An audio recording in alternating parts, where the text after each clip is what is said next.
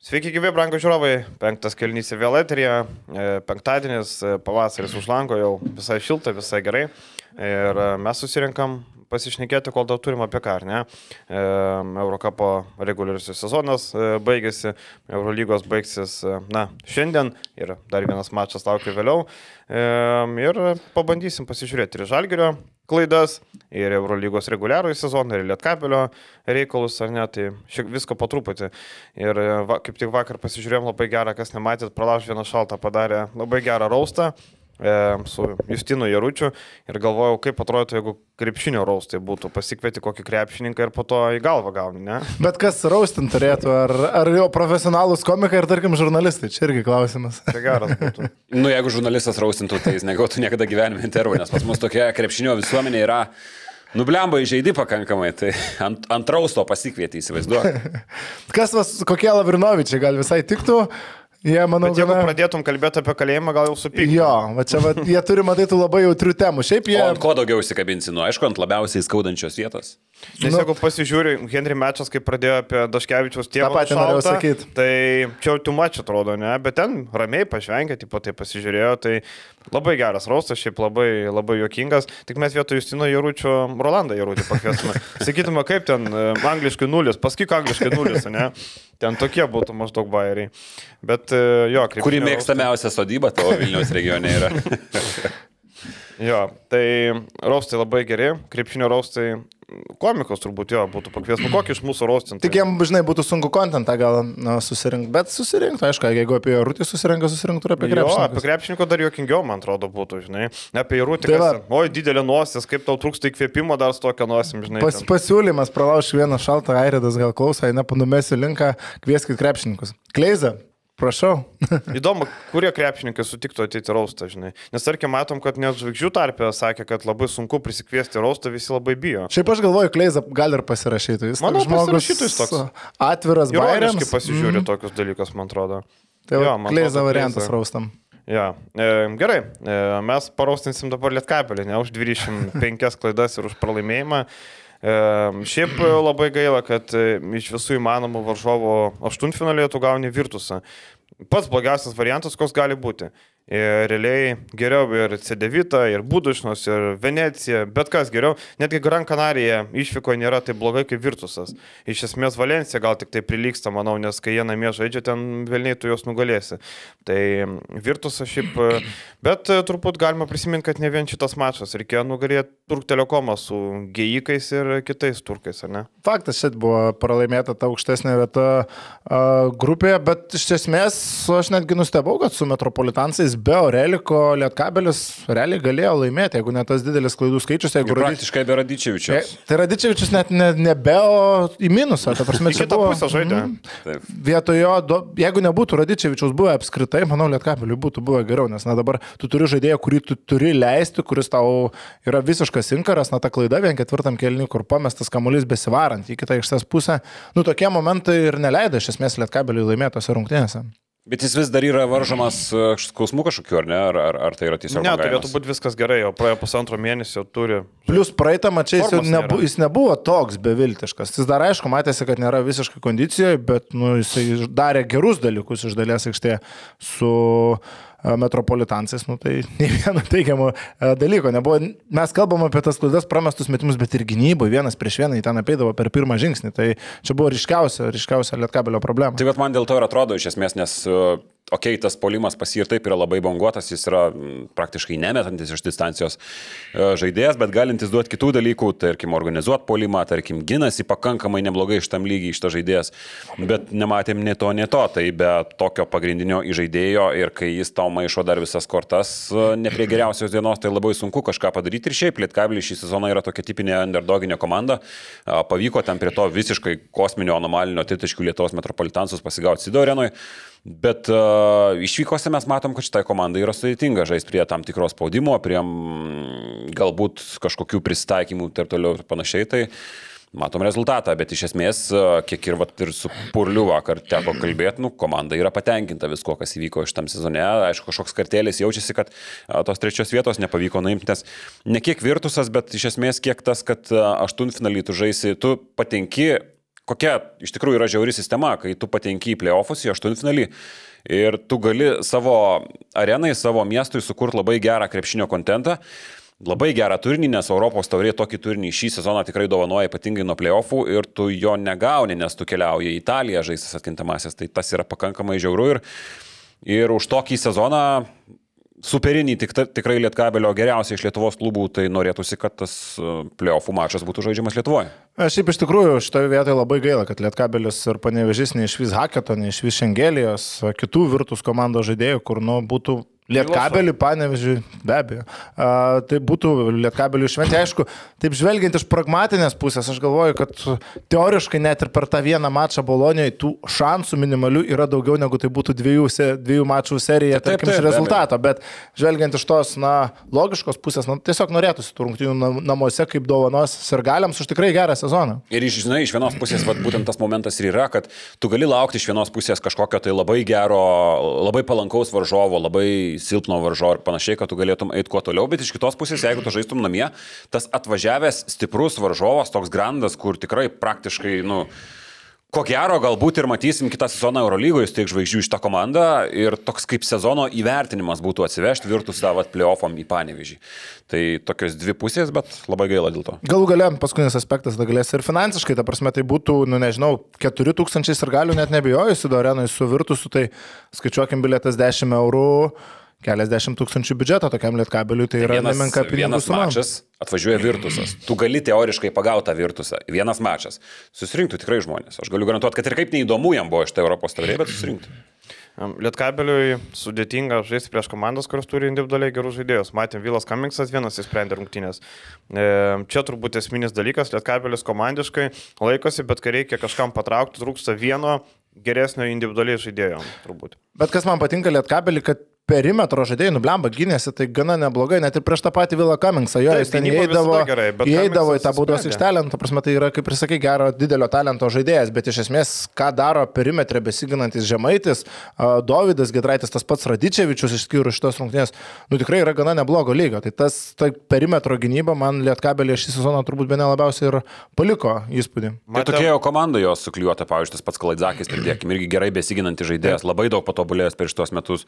Tai tokia jau komanda surikiuota, jinai metikų ir besiginančių žaidėjų perimetre komanda. Ir žiūrėkit, iškrito Orelikas, atrodytų nu pagrindinis žaidėjas polime ir vis tiek Lietkabelis davė kovą, žaisdamas po dviejų dienų, po sunkių rungtynių lemiamą mačą, žaisdamas be savo pagrindinio polimo lyderio ir praradęs savo vieną iš pagrindinių opcijų iš ketvirtos pozicijos išplėsti aikštę, nes nu, Maldūnas yra visiškai kitoks žaidėjas, nors Gabrielius irgi sužaidė labai neblogas rungtynės. Jo, ypač gynyboje matėm ir blokų buvo, o kada galima pridėti, e, blemba, Vėliau, įsiterpiai, kur nori. Jo, aš ne vietoje gal. Jo, nesvarbu. E, Prisiminsi gal. Nebuvo, nebuvo, na, Visanas kolėjo po pertraukos labai aiškiai e, padarė planą, kad labai daug žaidžiam vienas ant vieno. Ir labai puikiai išryškino stiprybės. Metropolitanas labai laikosi ant Kamingso, Makrėjaus ir Hunterio ant tos trijulės. Tai aišku, Makrėjus ten... Gražiai Lipkevičius išėmė.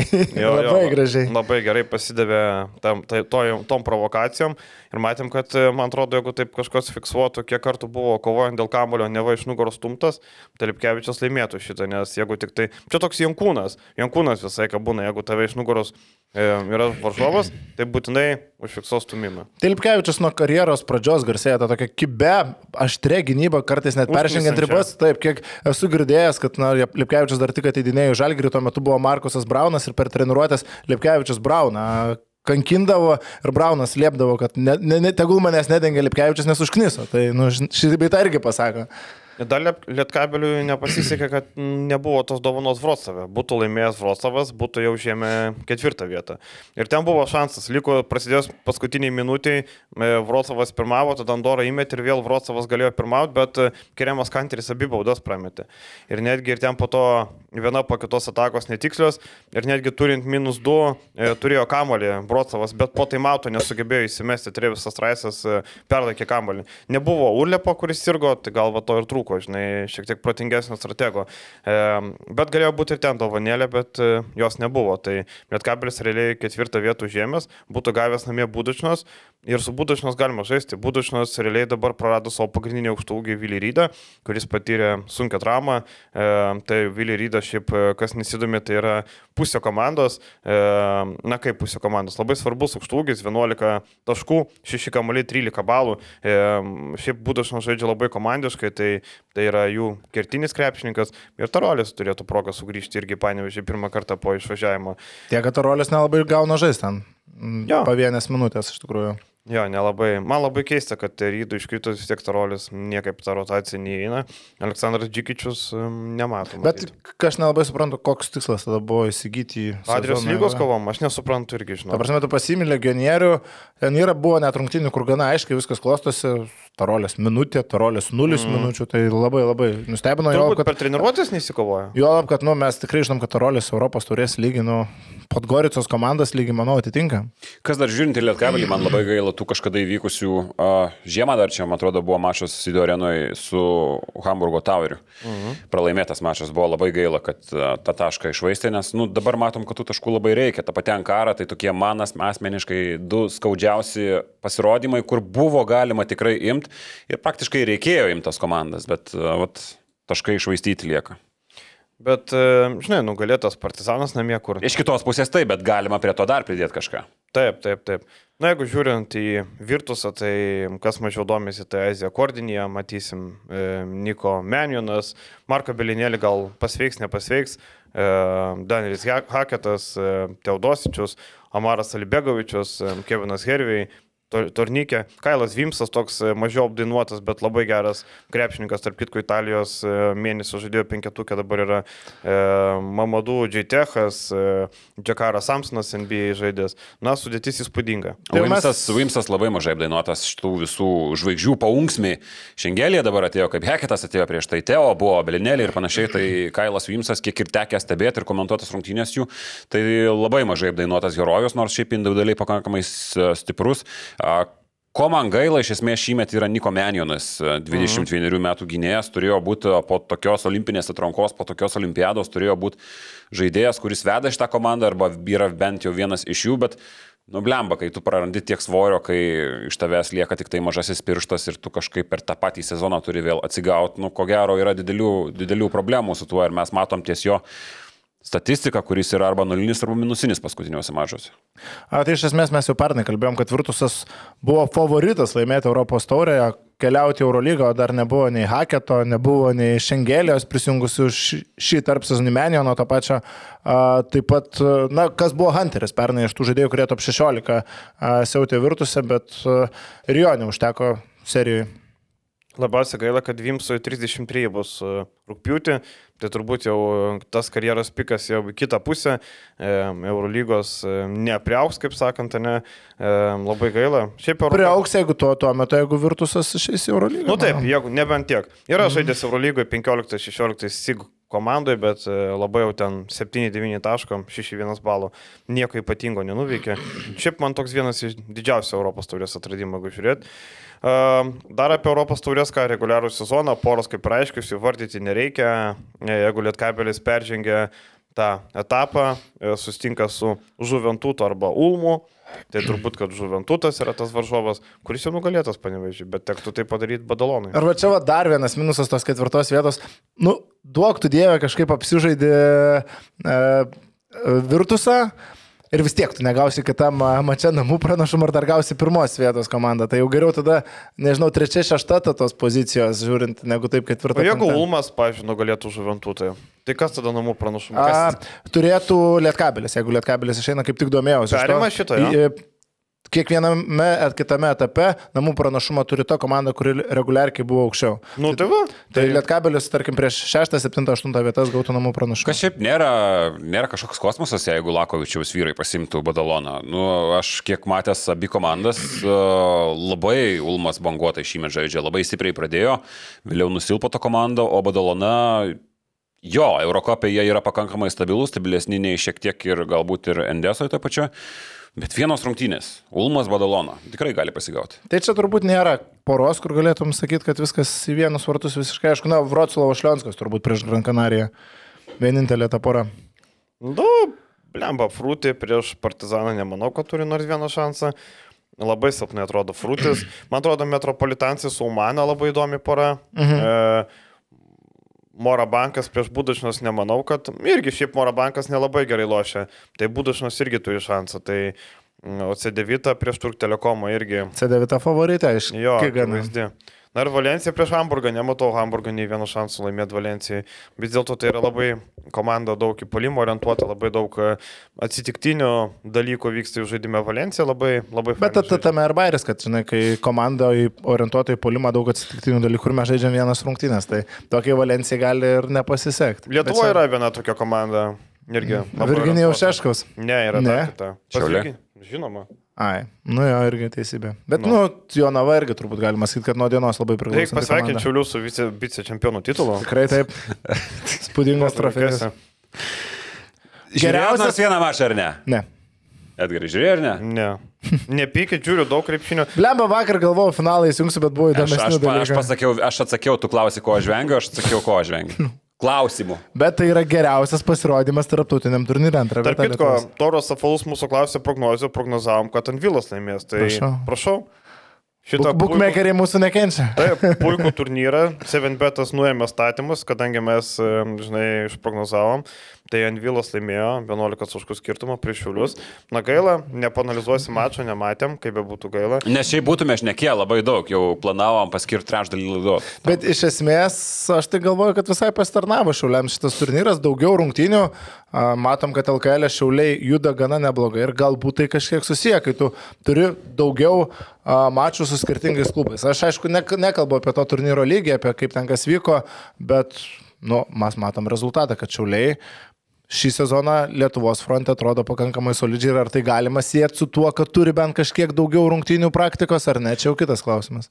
Tai geriau, kad žaidžia e, toje lygoje, negu kaip būna, kaip Vainauskas sako, kaimietiškos komandos, kur Taip. niekur nežaidžia. Tai akivaizdu. Faktas, kad geriau sužaisti su Anvilu, negu suža... nesužaisti iš viso. Tai čia... Aš tai sakyčiau, geriau žaisti toj FIBA Europos tauriai, e, negu toj rytų Europos, šiaurės rytų Europos, e, šiaurės nu, Europos. FIBA Europos taurė bent jau, jo, finansiškai tai yra du skirtingi dalykai, bet iš esmės ir nuostolinga FIBA Europos taurė. Bet įdomumo prasme, nu visiškai, va taip stebint, atsidarant tas rungtynės, pasižiūrint rungtynės, nu, tu žinai, kad yra kažkoks ketvirtas pagal svarbą Europos turnyras, FIBA Europos taurė. Ar tikrai ketvirtas? O tai kuris ten? Ai, FIBA Europos taurė, sorry, aš galvoju, tu sakysi apie šitą. Ne, ne. Šitas tai iš tikrųjų. Ir čia yra kažkokia visiškai lempa. Nu, nežinau, man tai, nežinau, ne, neįdomu. Nu, atvirai sakau, neįdomu. Apie Šiulius kalbant, taip e, pabaigiant, e, mane nuvylė pirmąjį Šiulių pasirodymas prieš rytą, aš galvoju, kad jie namie, nu gerai, neturėjo Almaro, nu okei, okay, bet rytas atvažiavo be Buvos, be Džerviso, be Normanto ir vis tiek sugebėjo laimėti užtikrintai kontroliuojant mačą, tai mane šiek tiek nuvylė. Suprasčiau, dar būtų Vilniui mačas, bet e, net nežinau, ko, kokios priežastys, na gerai, nebuvo Elmoro, Elmoras labai svarbus taip toliau, bet, bet rytas be savo lyderio, be perimetro geriausiai besiginančio, bet Džerviso, kuris šiaip dabar labai gerą krepšinį rodo. Ir mes turim dabar tokią situaciją, kad Jonavos Sibet po šito šiulių pralaimėjimo yra ketvirtoje turnyrinės lentelės vietoje. Bet dviem mačiais daugiau sužaidė šiulius. Tai neskubėkim. Neskubėkim, tai ten ir Juventusas dar mažiau sužaidęs dviem mačiais irgi. Tai pakalbėsim, manau, dar ateityje apie LKL. Jo, šiaip labai įdomi kova, mm. jo, labai įdomi vyksta. Tik tai, kad e, kažkaip prienai Man atrodo, jau sudėjo ginklus, jau laukia sezono pabaigos. Tai ir nevėžės. Pasižiūrėjus... Realiai tas pats ten. Kova dėl 90 vietos nėra jokios prasmės. Jo, ten nebent pasvalys turi, e, kiek žinau, pasvaliui labai svarbi vieta atsiskaitant e, už rezultatus Burkevičiui, tai reikia užimti tą devintą vietą, žinai. Sakys, nu, sezonas pernai sėkmingas buvo, šiemet, nu, nepasisekė, pritruko poros pergalių, šiaip dvigubai atsilieka. Prienai praktiškai galim sutarti, kad paskutiniai lieka jau. Jo, tai jie tas rungtynės pasvaly, kur prapylė laimėtas praktiškai ten ir pasilaidojo save. Jie ten turėjo pergalę, likus pusantros minutės dešimt taškų pirmavo ir sugebėjo, sugebėjo pralošti ir realiai ten ir buvo tas vienas, kad paskutiniai. Jo, prienam lieka šiaulė išvykoje, namie nevėžės, išvyka rytas, išvyka Jonava. Niekas nesišvečia. Maks vieną pergalytę. Nu, tai va nevėžiai pasimti, ten reiktų dar pažiūrėti ant tarpusavio, žinai, santyki, bet nu, sunku, sunku, sunku, tikėtis. sunku bus. Jo, tai apie, apie tas batalijas tiek, einam e, gal prie Eurolygos, o gal pasiliekam biškai prie Europos taurės, kadangi vat, mūsų kolega Algymantas Brūžas e, sako, kad e, Kėlėbas Homsley yra Žalgerio akiratyje sulaukęs pasiūlymų iš Žalgerio ir matom šią savaitę nemažai tų tokių išlindų, tarkim, e, dėl Augustino Rubito, matom, e, Rokas Pakienas skelbė. Taip pat buvo skelbiama apie Veidą Baldviną, bet Paulius Matijūnas Insideryje pasakė, kad tai yra netiesa. Ir e, mes irgi su Algymantu kelių šaltinių klausėm ir jam ir man lygiai tą patį pasakė, kad ne, Veidas Baldvinas ne. Bet aš girdėjau versiją, kad Veidas Baldvinas net nebuvo apskritai sąrašuose. Buvo, buvo renkama informacija, Intelis buvo renkamas, nežinai. Šį sezoną dabar kaip jisai užbaiginėja, tai kaip žaidėjas sakytum neblogas, bet labai labai rizikinga vežtis tokį žmogų pas save, ant jo statyti visą komandą. Aš tai irgi out būčiau visiškai nuo tokio krepšininko. Homsley įdomus yra. Uh, 20, kiek 5 metai jam yra, jam tik tai antrieji metai yra Europoje ir tie pirmi metai yra žiauriai solidus. Aišku, ar tai nebus, nebūtų antras Marielas Šejokas, kuris siautėjo savam lygiai, bet atėjęs į Eurolygą tapo pakankamai ribotų rolę žaidėjų. Bet iš esmės labai įdomus žaidėjas, metantis vienas prieš vieną mėgsta žaisti, stebekai po driblingo visą kitą. Lapkritį 26 jau bus.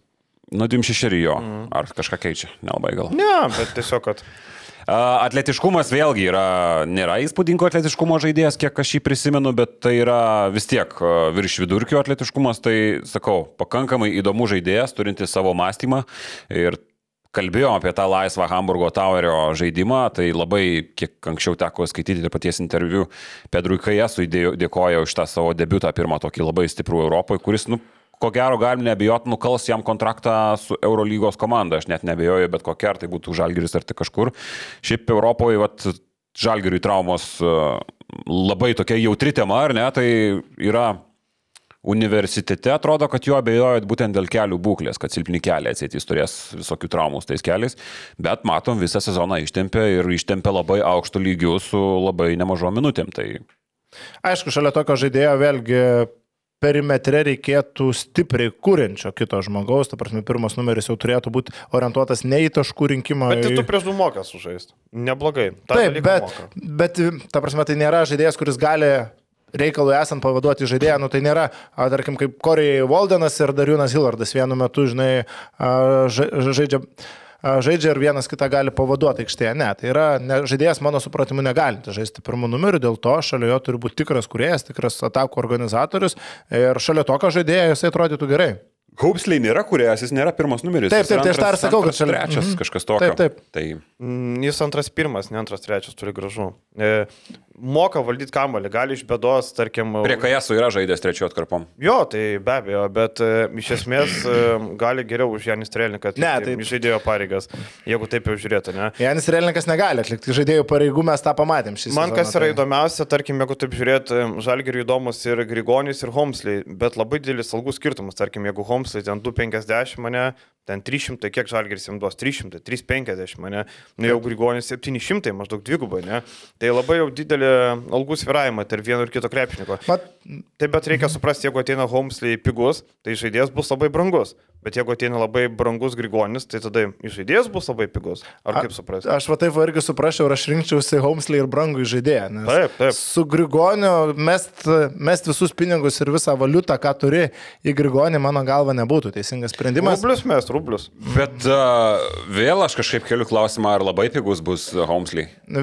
Žiūrint, kokia konkurencija Europos rinkoje, bet aš tai nebūčiau, nesakyčiau, kad 2,50 pilnai pakaktų Homesley pasimti.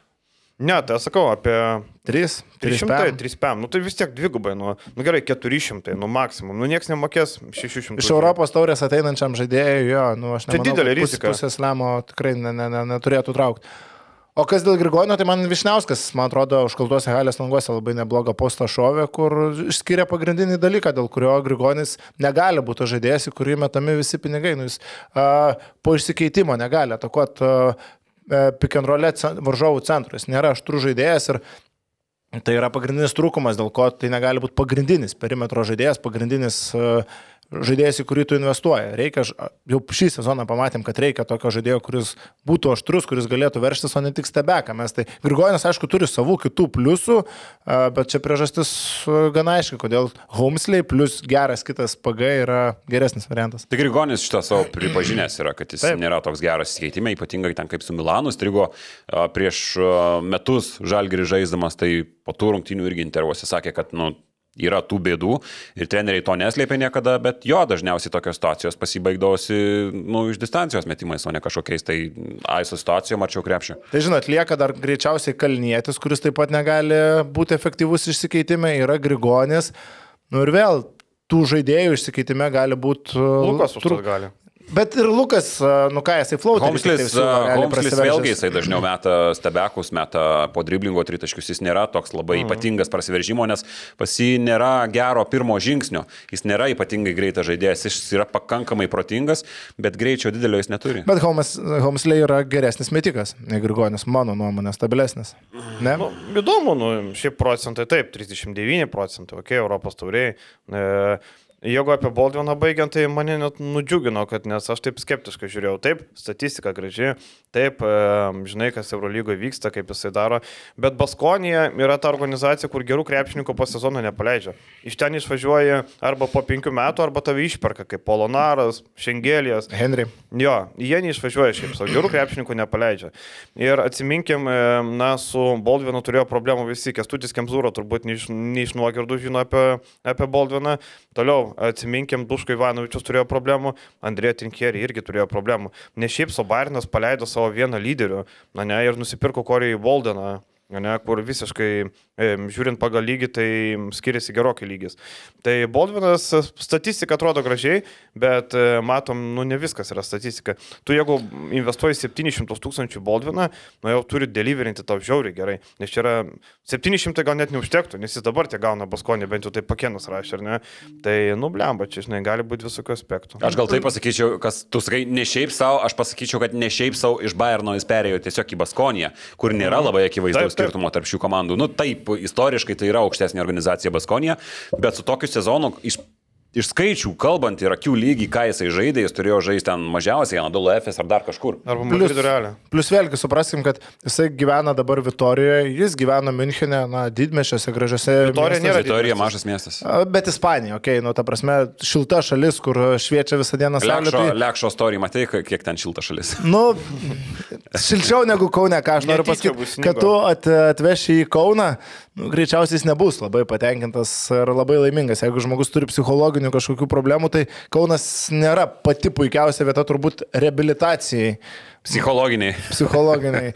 Turėjome jau čia tokių pavyzdžių, kur žmonės atvykę iš šiltų kraštų į tokias depresijas pasinerdavo, kad... Ką galvojate apie Rubitą? Šiaip labai aiškus variantas. Kazį Maksvyčių Rubitas patiko dar, kai jis treniravo Lietkabelį, o Rubitas žaidė Ulmo Rotė farme. Tai buvo pirmasis sezonas Vokietijos tam klube. Ir Tik tai, kad gaila, kad Žalgiris paleido, bet šiaip žiūrint paprastai, e, Žalgiris nieko nepraras, kadangi Rubito pliusas buvo labai brangus, jo kaina nukrito, jis sužaidė Bayernį, dabar grįžtų už tą patį, kas būtų pliusas. Tai iš esmės Žalgiris piniginį atžvilgių numokės praktiškai tą patį, tos pačius pusę milijono turbūt, kurios būtų mokėjęs šį sezoną. Tai iš esmės nėra taip, kad paleidom žaidėją pigų nusiperkam brangų. Šiaip Sakau, didžiausias akcentas vasarą turi būti ir jau dabar turi būti tai yra perimetro žaidėjai. Rubitas yra priekinės linijos atstovas, kuris tu žinai, ką gausi. Tu esi užtikrintas su tuo ir jeigu kaina leidžia, tai tu aišku imi tokį variantą, kadangi šiaip jau tavo prioritetai šią vasarą yra kiti. Jeigu tau reikia pastiprinti uh, tą ketvirtą, penktą poziciją, viskas tvarkoja, tu pasiemi tokį ramų, užtikrintą variantą, bet su perimetro žaidėjais tau reikia daryti daryt kažką. Bet šiaip Bairnas gavo daugiau negu turbūt tikėjosi, nes nu, po Žalgirio sezono Rubitas mažai kam te buvo reikalingas, dabar jis yra vienas pagrindinių top 8 komandos žaidėjų. Tai jis pats sakė, kad jis nežinojo, ar gaus darbą paskui Euro lygoje, nes tik paskutinę sekundę tas Bairno pasiūlymas atėjo. Na, mes matom, kaip atrodo dabar Rubitas, tai Bairnas čia laimėjo loterijoje praktiškai galima sakyti. Rubitas 11 taškų vidurkis, 13 balų, 5 atkovotų kamolių, 3 taškius labai mažai metė, 37, bet pataikė 42 procentus. Bet labai, pag, nežinau, ar pagerėjo, ar tiesiog psichologija galbūt čia lemia, ar tiesiog geresnis jautimasis komandai, nutėjo stebekai, kuriuos jis darydavo, tarkim, ir Kaune, ir kurie, nu, kartais net ir šiek tiek nervindavo, dabar jis juos daro gerokai, užtikrinčiau. Man atrodo, 26 minučių vidurkis atsako tavo klausimą. Pasitikė juo, jis turi aiškę rolę. Žalgiriai jisai būdavo keičiamas ir bėgdavo trumpom atkarpom, pelnydavo 11-10 taškų ir eidavo ant solelio. Neturėjo tos aiškios savo vietos komandai ir tai stipriai atsiliepė. Kas komandų treniravo? da, prie klaidų Žalgirio sezono mes dar sakėm pereisim. Taip, taip. Tai va, kas komandą treniravo. Tai kol kas iš Algerio fronto tiek. Bet iš esmės, jeigu tai pasižiūrėjote, šią savaitę tekste bandžiau padėlioti, kiek tų permainų. Nu, tų permainų nėra labai daug, tiek, kiek galima atrodyti. E, įdomiausia, aišku, yra dėl centrų. Gali būti, kad nei vieno centro neliks. Jeigu, kaip Motyvinas sakė, jeigu Džodžio, Džodžio ir Nybo agentai ieško savo klientam naujo darbo. Tai vadinasi, gali nebūti nei viena. Bet Džodžio nieks Eurolygo neims. Manau, kad jam vienintelis variantas Kinija. Nu, Girdėjau, nes, kad nori Kinija. Nesu tikras, kad taip. Kodėl ne? Pagrindinis centrų. Su išpirka. Nu, kurie Eurolygos komanda pirks Džodžio su išpirka, nes jis turi kontraktą. Tai reiškia, vadinasi, reikia išpirkti. Nu, Manau, galima komanda? susitarti, jeigu nei Žalgris nerodo labai didelės iniciatyvos, žinai, tai išpirka yra toks dalykas. Jeigu Žalgris nori paleisti, kažkas nori pasimti. Bet man atrodo, Žalgris nepaleis Džodžio. Nu, jiem, ta, ta prasme, jeigu tau reiktų rinktis, ką paimsi vietojo, nu, matom, kad žalgiriui su sprendimais, e, tu žinai, ką gausi iš Džodžio, jam patinka čia, Juolap jo sezonas nebuvo geras, kad jo labai norėtų tos Eurolygos komandos. Ne, aš sutinku, kad tai nebus kažkokia no. geidžiama prekė, bet Eurolygoje darbą rastų, ar su išpirka, ar be išpirko, šiek kitas klausimas. Kaip frekantas rastų? Tiek, kad Žalgiriui, nu, pagrindinis, jis pagrindinis vidurio polėjas su gana aiškiais trūkumais ir su gana didelė alga, Man atrodo, tai nėra e, pati geriausia opcija žalgeriui. Bet, e, nusakau, priklausomai nuo, ką, nuo to, ką tu turėsi. E, kas yra kitoje rankoje, koks centras yra kitoje rankoje. Tarkim, aš nežinau, nu, Donatas Motyvūnas ne, bet nežinau, sunku net palyginimą kažkokį surasti, bet iš esmės, nu, aš įsivaizduoju, jeigu būtų priekinė linija gerai, Nybau nėra, bet priekinės linijos ašys yra Geoffrey Lovernas, leidžianti žemiau mes tarkim turim Grigonis, pajėgus perimetras, Lekas lieka, aš tokią žaidimo komandos ašį matau kovoj dėl pliofų. Aš tiesiog įsivaizduoju, kad nu, reikia tos finansus perskristi, perskristi taip, kad uh, geriau jau mažiau priekiniai linijai ir painvestuoti į perimetrą, kur ten tas papildomas 200 tūkstančių tau gali visiškai kitos lentynos žaidėją atvežti.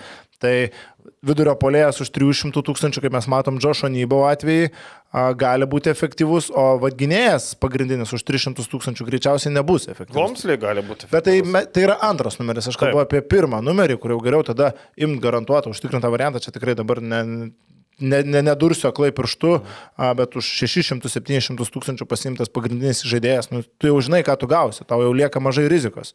Tai geriau pasimti tenais, užtikrintą variantą, su centrais, su ketvirtais numeriais, nu, šiek tiek pagrybauti miške, galbūt kažką susi, susirasi. Aš tai nebejoju, kad Nybau neliks ir e, šalia Loverno reiktų tokio gynybinio centriuko, pavyzdžiui, Oktavijos Eliso, kuris Turk Telekom yra, arba, nu, kažko panašaus. Hasanas Martinas. Vietojo gal e, kaip tik atvažiuotų Nybau, pavyzdžiui, ne.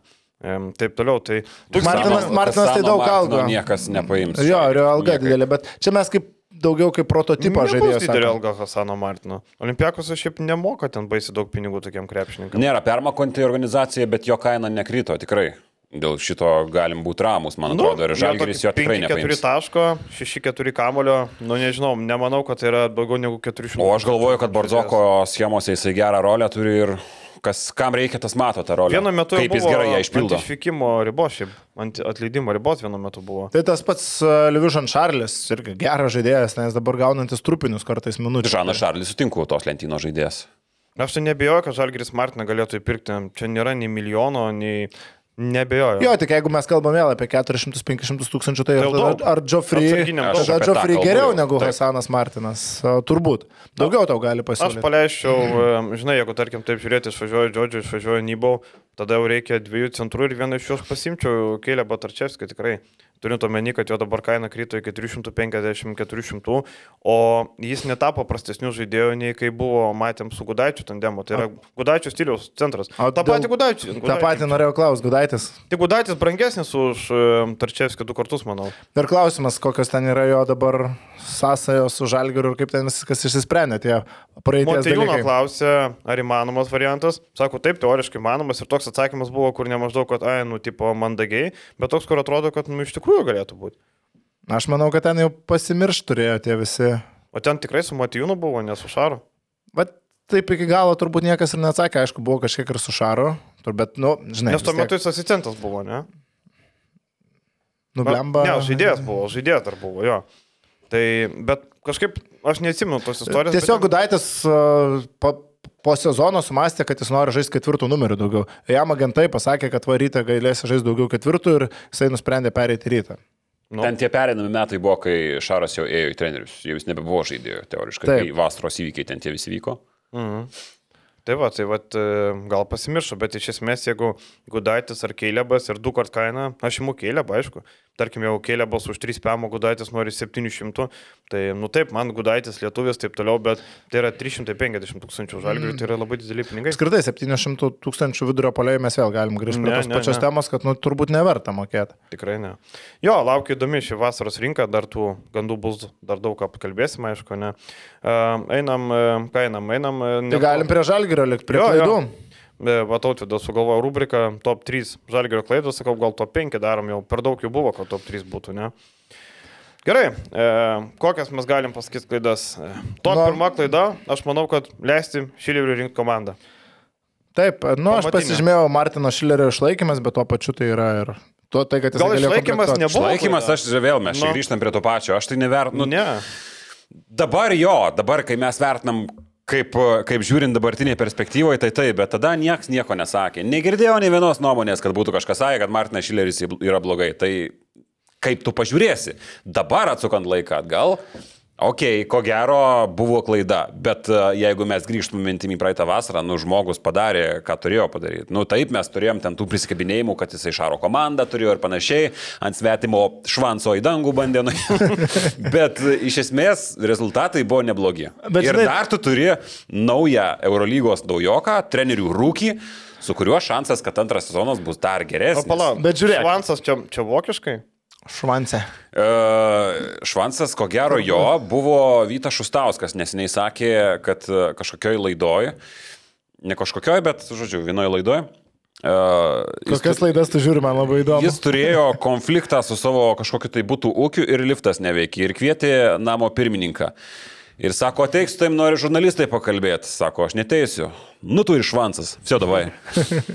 nu tai. Palauk, tuoj prisiminsiu. Ai, bet gal tuo ar turi skirtis Eurolygos organizacijos vadovai nuo mūsų čia kalbančių, kad matyt dalykus viduje ir tam tu turi turėti rimtus kiaušinius, kad pasakyt, kad šitas treneris nors ir yra geras rezultatas, bet mūsų netenkino, kaip komanda vystėsi sezono eigoje, mes matėme žaidimą iš vidaus, tada būtų pasmerktas, bet iš esmės jis būtų buvęs teisus. Tu manai, kad nes dabar skirtumas tarp mūsų ir tarp... Nes dabar, motyvo? nes dabar užteko kiek, trijų Eurolygos rungtinių, kad jau pamatęs taiga. Tai aišku, mes, mes tuo metu būtumėm stumę, bet nu tu ar turi skirtis, kad jisai turi matyti ir turi priimti ryštingus sprendimus. Mes būtumėm varę, kad nereikėjo atleisti, taip, bet mes tuo metu būtumėm neteisus, o jis būtų buvęs teisus.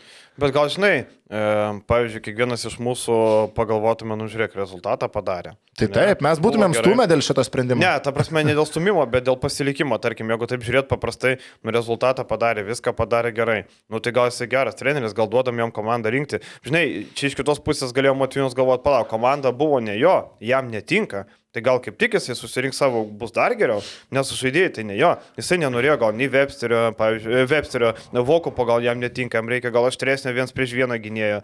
Čia dvi pusės. Bet man vis tiek, aš suprantu, kad treneris, kuris pats visiškai vienas pats renkasi komandą, tai yra Europos krepšinį, tai yra didžiulė privilegija.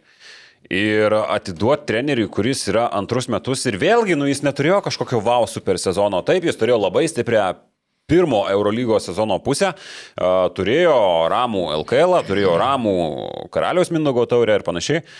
Bet vėlgi tas sezonas nebuvo toks, kad tu užkeltum ant tiek pasitikėjimo bagažą, kad tu duotum rinkti sudėti. Man čia yra didžiausia klaida, ne kažkoks atleidimas, netleidimas, kada tu atleisi. Man yra klaida, kad toksai žmogus rinkosi sudėti pats, visiškai pats, be jokios priežiūros. Tai čia ir gaunasi viskas susumavus, kad tuo metu e, nebuvo padarytas tas sprendimas, dėl to reikėjo priimti kitą sprendimą, dėl to atiduota komplektacija ir vis, visą tai susumavus gaunasi viena bendra didelė šilerio klaida. Ir man, pavyzdžiui, atneštų tokį žaidėją, kad e, tokio žaidėjo CV kaip e, Janis Trelnikas, nu gerai, jis renka pats, bet aš tvirtinu to žaidėjus. Taip. Aš juos pasirašinėjau kaip direktorius ir man kiltų, aš krapštyčiau ant akį, kaip kad Jūras Dovsas. Nu, man būtų labai keista, kaip mes galim tokį žaidėją pasirašinėti. Vilio, padėk švansą vietą. Nu, nervai kyla aš. E, tai pirma klaida. Šileris komplektavo komandą. Na ne? Gerai. Kokia antra? Tada jau eina komplektacijos klaidos turbūt. Kad ir kaip. Tada jau eina komplektacijos. Klaidos, klaidos jau. Ta prasme, nes vis tiek ši, e, man lab- labai tas patiko, kai e, sezono pradžioje Motijūnas, tai e, mes visi bendrai prieėmėm sprendimus, mes visi tarėmės, mes visi čia e, komplektuojam komandą, nėra, kad vienas priima sprendimus ant galo, jau Šileris čia viską surinko. Tai vėlgi visos Žalgirio organizacijos klaida buvo tai, kad pagrindinis SG yra Janis Trielnikas. Aš, Aš dar- šitą klaidą dėdu aukščiau negu Mūdijai.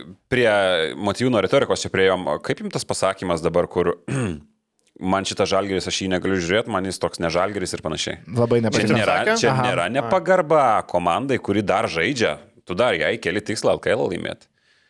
Mm, man, man irgi šitas užkliuvo. Man tai stipriai užkliuvo ir kažkaip, mhm. nu, labai keista. Man net netikėta, Motijūnas e, visai, kam- visai kitokią retoriką. Ne, mums tai, Juol- mum tai įdomu, žmonėm tai Taip. įdomu, paklausyti, ką jis atvirai galvoja. ir smagu, kad Juolab, kad tu esi pagrindinė priežastis, kodėl šitas žalgeris yra ne žalgeris ir kad jis taip yra žaidžia. Tu esi pagrindinė priežastis, ne žaidėjai. Ne Websteris yra kaltas, kad jis yra Websteris. Man atrodo, kad ten tie visi, uh, negaliu žiūrėti, kaip nekovoja, čia ne ta žalgeris. Čia yra, nu, tokie užrūbinės durų pokalbiai. Man tai atrodo, ne, ne žmonėm, nu kokią tu žinią žmonėm neši, kaip tavo komanda tada gali kažkas eit žiūrėti, jeigu pats vadovas mano, kad jį nekovoja. Nu, man tai pasirodė, gal, gal čia mano interpretacija. gali-. Nes aš nekėjau su kitu žmogum, mm. uh, sako, jam neužkliuvo. Nu, okay. Man užkliuvo. Nu, tai mes jau du. Nu, e, tai gerai, komplektacijos klaidos, viskas aišku. Janis, e, Mūdį gal per anksti pakeistas, ne? Websteris pasikviestas, apskritai tragedija, ne? E, suprantam, Nilsas Gifajus, e, absoliučiai apie nieką Bet žaidėjas. žinai, tarkim, džiau, čia vis, visą tai po to išplaukia iš tų pagrindinių klaidų. Gifajas. Nu, aš nežinau, kiek Bet tai yra didelė klaida. Nu, ko, kuo jis tikėjosi pirdamas Gifają? Nu, nežinau. Nu, kam? Kam? Aš tai, fū, nu, tu gali tikėtis, kad bus uh, žaidėjas pataikantis ir žaidėjas labiau pasiginantis, jis nie to, nie to nepasiūlė. Stabiliai nepasiūlė, bet tu galėjai tikėtis, nes, nu, tai yra eilės metų Eurolygo žaidėjas. Tarp kitko, mes juokiamės apie Gifajų, e, girdėjau, Barnas sakė, je- jeigu Gifajus available, mes imam, mes imam Gifajų. Na, aš tai sakau, man tai jis yra Eurolygo žaidėjas Aš, kitomis aplinkybėmis. Man jis Aš pamačiau tinka. tą pasirašymą ir man buvo nu, viduriukas, žalgeris, okei, okay, gyvas. Atsarginis SV, Eurolygos patirties žaidėjas, atletiškas, galintis duoti tam tikrų tritaškį, galintis pasiūlyti gynybą ir geromis praėjusiu metu žalgeris būtų buvęs geras rotacijos žaidėjas. Aš turiu, jo, mes tikrai pabrėžti, kad mes turime omeny ne tokį, kokį mes matom dabar, bet teoriškai, ką mes žinojom apie jį vasarą jam pasirašant. Nu, tvarkingas pasirašymas normos ribose. Kitos pozicijos ten buvo visiškas gavno. Nu, mūdėjai, nu, gerai, tu gali remtis tuo modeliu, kuriuo remiasi kartais a, mažiau pinigų turinčios komandos. Tai yra vienas super talentas ir aplink jį krūva rolė žaidėjų. Viskas gerai, bet čia buvo didžiulė rizika vien ant to. Gerai, nežaisi, nelaimėsi, viskas tvarkoja, tu pasirašai tą žaidėją. Atleis bandai tą žaidėją. Palankiom sąlygom tu jį atleidai, aš pats tą sakiau. Ir tokį, kokį mes matėme mūdį, jis tarsi ir įsižaidžia, bet jis vėlgi nėra Eurolygos komandos lyderio kalibro žaidėjas. Nu, nebuvo tas vis tiek. Tu galėjai laukti, bet jeigu tu nusprendai jį atleisti ir tu jį atkabini gerom sąlygom, tuo metu vėlgi viskas atrodė taip pat, prisiminkim, ką mes kalbėjom, bet kuo pakeisi. Je, jeigu yra toks pakeitimas, kokį mes matėm dabar, jis neturėjo būti atleistas. Bet pats faktas atleidimo tuo metu atrodė, man atrodė logiškas. Jo, bet nebuvo ko pakeisti, irgi pagrindinis dalykas. va čia, Atleisti atleist yra lengva ir kai tu pakeiti sezono eigoje Websteriu, nu, koks skautingas apie jį buvo padarytas, akivaizdu, kad labai menkas ir kad jisai ne- negali žaisti, po to kitą pakeitimą tu atleidi, po išsiskiri, po mėnesio, po kiek visi galvom, kad tai Zdovco pirkinys, ne velnio pasirodo, tai nebuvo Zdovco pirkinys. Tai čia irgi ryški, ryški klaida. Kita klaida, manau, labai brangi. E, neįsiskirimas su Martinu Šileriu taip, kaip reikia. Ir čia turbūt reikia pridėti, kad ta retorika buvo negera, ne? E, Gal nereikėjo spados konferencijos savęs kalties, gal nereikėjo, gal būtų kitaip pasisukę. O gal ne, gal Austras labai principingas ir vis tiek laikytųsi savo algos iki sezono pabaigos. Vėl nežino. Bet iš esmės didelė klaida buvo apkaltinti viskuo Šilerį, sakyti, kad tuo nutrauksim kontraktą, o dabar turim balandžio 8 ir Šileris vis dar kaune. Aš vis tiek e, nelabai visiškai suprantu, kad e, tos, to žmonių pasakymo, kad jis visiškai buvo apkaltintas viskuo. Gal nebuvo vis, nu, kažkiek buvo pasakyta, kad dalis mano kalties ir yra. Ir, Ne, sorry, pertrauksiu. Jis buvo pasakyta, kad kaltė buvo, kad atidaviau viską daryti šileriui. tai Va taip. automatiškai yra pasakymas, kad aš kaltas iš Bet, esmės. Bet sakė, tas- didžiausia klaida Šileris, ne? nu taip, buvo, mano Bet jis buvo klaida buvo, taip, kad viską taip. darė šileris. Nu, tu taip kaip Klaida pasakai, bet atiduoti, jisai čia kad, kaltas. klaida atiduoti viską Šileriui ir tada sako, kad Šilerio pasima, pasirašymas. Aš suprantu vėlgi, interpretacijų dalykas. Aš suprantu, kad tai yra neprisėmimas kalties tais pačiais tiesioginiais žodžiais. Bet tiesiog perkeltinė prasme, kad suprask, nu ir aš kaltas dėl to. Bet, nu, nes tu atsakingas už tai, ką tu samdai. Aš nesuprantu visiškai to pasakymo, kad Paulius viską suvertė vienam žmogui. Čia yra psichologinis Aš- žaidimas. Va. Čia yra labai psichologinis. Aš kaltas, kad per daug tavim pasitikėjau. Nu, blemba, tas kaltas, bet svolačius tai tu. Aš tai suprantu vis tiek, kad e, tam tikrais, nu ką daugiau jis, pas, nu, taip pas, pasakytų, kad aš turiu prisimti atsakomybę, jau ten visiškai, visiškai taip. Bet, nu, aš vis tiek suprantu, kad jis tam tikrą prasme pasakė, kad ir jisai kaltas. Tiesioginiai žodžiais to ne, bet aš nemanau, kad jis ten absoliučiai viską šileriui suvertė. Bet vis tiek, čia klaida. Klaida, klaida, ta prasme, nes nu, treneris ir buvo tada dar pasakyta, kad čia vis tiek tuo išsiskirsim, čia viskas tvarkoj, ne, nebuvo. Jeigu taip prie padaryta. Šilerio pasižiūrėjus, taip tarkim, Šileris 3 ir taip prie Šilerio A padėti, Šileris pats su duobė kasėse atsivežęs tos bankininkus į štabą. Sakykit, ką norit, bet man atrodo, jeigu būtų buvęs Evaldas Biržininkaitis, būtų buvę, nu, tas bankininkas, mes kalbėjom ne kartą, kaip jisai Eurolygas tik per teleką matė, nei tų žaidėjų žino, nei nieko. Ir jisai grįžo atgal į banką ten transakcijų žiūrėti, ne kaip mes juokavome.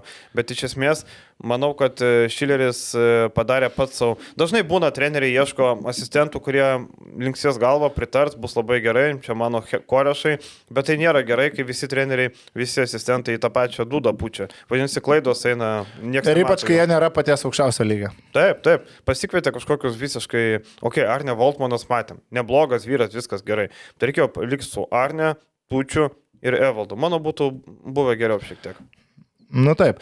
Jeigu dar tada einant prie klaidų, aš tokią menką klaidelę, bet man jinai buvo įstrigusi, e, jeigu apie retoriką kalbam, retorika dėl aukštų ūgio. Iškrito Joffrey, priekinė linija subirėjus ir iš karto kitą dieną mes čia ieškom aukštų ūgio, mes čia stiprinsimės, mums čia reikia papildymo. Iš karto. Čia net nebuvo dienų, dienų klausimas, čia vos ne valandų klausimas buvo, kad pasakyti, kad bus naujas aukštūgis. Jūras Dovtas atvykęs per spaudos konferenciją, čia laukiu aukštūgio, čia jis man pakeis labai stipriai žaidimą, kiek svarbus papildymas, labai labai svarbus. Minėta, Ir tada po dviejų mėnesių atvežamas Regimantas Minėtas. Nu, aš nieko prieš prieš Minėtą neturiu, bet tu kalbėjai, kad tau reikia Eurolygos lygio aukštūgio, kad tu pildysies ir tu ant stalo dedi Regimantą Minėtą. Tai yra dar viena retorikos klaida, tai jis ir gali nusivylti. Elisas, tarp kitko, buvo Kiratė Oktavius Elisas, buvo siūlomas Jonas Jerepko. E, žodžiu, buvo, vyko procesai, bet ne iki galo. Kitaip nedavė- tariant, veiksmai vėl nesutapo su retorika. Tu vieną sakai, padarai ką kitą. Kaip tai vertins ir gali, vertins blogai. Velnio advokatas vėlgi pabūsiu. E, tu tavęs paklausė, ar ieško papildymo. Ieško papildymo komanda. Tai ieškojo papildymo komanda. Bet uh, Oktavijus Elisas vėlgi nežinau situacijos. Jerepko akivaizdžiai buvo, nu, overprice. Absoliučiai neapsimoka už tokią kainą imti tokio žaidėjo. Uh, nežinau, ką toliau. Minėto žaidimo pasirašymo aš nesupratau. Jo, bet uh, tarkim su ta retorika ir veiksmais, nu, rinka siaura buvo. Bet Jie irgi nieko. Žalgiris pats užkėlė hypą, čia net nebuvo pirma, kad kažkas paklausė. Žalgiris pats prie, išplatino pranešimą, kad Žofrilo Vernas gauna traumą ir nežais tiek ir tiek. Ir tame pranešime buvo sakinys, kad ieškosim pastiprinimo komandą, ieško Mm. aukštūgio. Jo, bet paskui imbelė ką, kad tik tai pateisins savo žodžius. Tai tada nerašyk, va čia ir yra. Tai tada jeigu tu to apsidraus, dabar tu pasakai, kad tu imsi aukšto lygio aukštų ūgį, paskui tai dar kartą pakartoji ir tu to nepadarai. Tai Ar ten visiškai tai buvo rašyta? kad- taip, tikrai buvo. Kad taip. imsim NBA žvaigždę? Nu, supranti, ką noriu pasakyti. Nu jo, bet aš šitą kažkiek teisinu. Man, e, tarkim, aš dar pasigėdau, man atrodo, tokioj situacijoje, kai yra sezonas tokioj stadijoje, tokios problemos, aš pasigėdau įdomesnių sprendimų, pavyzdžiui, ieškant žaidėjų, kurie galėtų, jeigu būtų atsivežę kelis įdomesnius žaidėjus, tarkim, iš G lygos, jie galėjo būti tas dalykas, kuriuos tu gali pasilikti tam sezonui, arba jie būtų prarastų jau nebeturėjai ko, blogiau už Websterį nebus. Aš būčiau Katinas tą Websterį irgi, ten jo nutraukimas nebūtų brangus ir būčiau atsivežęs bent jau vieną, du, na, kažkokius gynėjus iš, iš G lygos, kurie norėtų ir kurie turi potencialą kažką rodyti. Tu galėtum išbandyti nemokamai, na kaip nemokamai už labai mažus pinigus, tai kas tau galėtų kitam sezonui atnešti rezultatą. Nes Websteris tau visiškas minusas, jie žaidė minusą ir pinigus kainavo ir gėda. Baisu žiūrėti, kaip sakoma, tu stebi žalgį, kaip čia. Tai čia baisu žiūrėti tą tą. Sarmata prie žmonės. Tarmata. Gėda giminiai. Ir ten po to kažkas komentariuose rašo, oi kaip tu atgarai gali sakyti, kad Websteris niekada nežais Eurolygoje, čia maždaug kažkada, nu jam dar tik tai 27 metai, nu, man dar, irgi, man dar irgi 31 rytai. Klausyk, nebent naujosios Zelandijos komanda priims į Eurolygą, tada gal Websteris ir žais, bet kitais normaliom aplinkybėm kitom, nu, nu neįmanoma, aš neįsivaizduoju, kas galėtų jį pasimti ir dėl kokių priežasčių. Dabar klausimas, Zdovcas klaida ar ne? Ne. Ne. Ne. Tik klaida buvo, e, su kokia retorikas buvo priimtas. Griežtas treneris, čia paims visus už kiaušinių, jau kas neklausys, nusuks juos, ten viską iškeps vakarieniai. Buvo retorika tokia, o gavo miškiuką. Čia žinai, kai būna na, privati valda aptverta ir užrašas piktas šuo, o tenais pudelis laksta. Ten vestukas atbėga, žinai. jo, tai šitas buvo, bet e, kad ir be tos piktos rankos šitą komandą sustatė, ginčykitės, pulkit kryžim, darykit, ką norit, neįspausi iš tos komandos daugiau. Ir Visiškai plus mes turim traumas ir COVID turėjom. Tai man atrodo, kad e, normos ribose viskas, nebuvo over kažko, kažko virš, kažko ekstra. Galbūt ir buvo galima kažką, kažkurioje vietoje vieną kitą pergalę, prisiminkim mačą su Feneriu, kur tapo absoliučiu nu, ryškiausiu indikatoriumi, kad e, Zdovcas stresinėse situacijose Eurolygos lygiai prieš elitinius trenerius jisai sutrinka. Tai matėm Stambulę prieš Fenerį, kai Žalgris praktiškai turėjo pergalę savo rankoje. Tai kažkiek ekstra buvo galima pasimti vieną kitą pergalę. E, kas priklausė iš esmės nuo Zdovso sprendimų. Bet uh, ryškiai daugiau, kad paveikslas būtų kažkiek tai pakeistas, kad Žalgris dėl kažko kovotų, nebuvo galima. Nu, nekurkim iliuzijų. Viskas. Sezonas šitas buvo nurašytas, dar nežiūrėjau, lapkričio 28 gal kažkas tokio. Mhm. Taip, faktas, kad čia joks treneris ištrauktas iš skrybėlės vidury sezono nieko nebūtų pakeitęs. Šitą sudėtį mes, čia vienas iš galutinių rungtynių su Asvel, blemba, reikia pasimti Asvelį, Asvelis čia dugnas, bet nu tu paskui tu pasižiūrė, Elio, Kobo, Krisas Džonsas, a, nu tai ką Žalgeris turi prieš pastatyti, nu tai tu čia statyk. Nu, Banijamą ten irgi. Jo. Nu ir prieš Banijamą galima pastatyti, aišku, galima. bet... Bet, bet nepavyko. Bet nepavyko. Netoks, kokias Dovcas yra matęs. Visai kitas vyras. Jis pasikeitė. Tobulėja. Pasikeitė. Kiek 17 metais tobulėja, įsivaizduokit man, ne? 17 hmm. metais, kai jis matė Metropolitanciją, kitaip žaidė. O dar vienas, va čia apie tobulėjančius žaidėjus, apie tą patį Motijūno interviu tas pasakymas, kad vienintelis geras dalykas, kad Blaževičius ir Lukošiūnas įrodė, kad gali žaisti. Eurolygui tikrai įrodė? Ne. Uh... Blaževičius įrodė, kad žais gali, kad jis gali turėti minutę. Lukušiūnas parodė, kad jisai realiai kažkada galbūt, vėlgi tai yra labai leidlumeris žaidėjas. Jis dabar yra 24-25 metų, mhm. jis yra metų, kada jis turi žaisti. Eurolygoje stabiliai žaisti jisai dabar negali, čia yra faktas. Bet man atrodo, kad kaip leidlumeris, kodėl jis negalėtų sužaisti po, tarkim, 6-5 metų. Man atrodo, kad uh, jį reikia šiuo metu paleisti, katint, o į žalgirį, žalgiris jam visada, ko gero, bus pirma opcija sugrįžti. Žalgeris gali ir toliau iš jo išlaikyti darą ir jis jį bet kada susigražins. Dabar jo sudėti turėti nereikia, o ir pačiam Karoliui reikia žaisti. Nu čia faktas kaip lynas. Bet žinai, aš vadėl Karolio tos opozicijos irgi taip šimtų procentų nebūčiau tikras. Nublemba, jisai turi dabar šansus įrodinėti Eurolygai save. Kažkiek tų minučių gauna, gauna šansų ir LKL. E. Jam dabar tikrai jau eiti į kažkokią žemesnio lygio organizaciją, iš kurios tu gali ir nebesugrįžti. Jis nebegaus kitą sezoną nieko.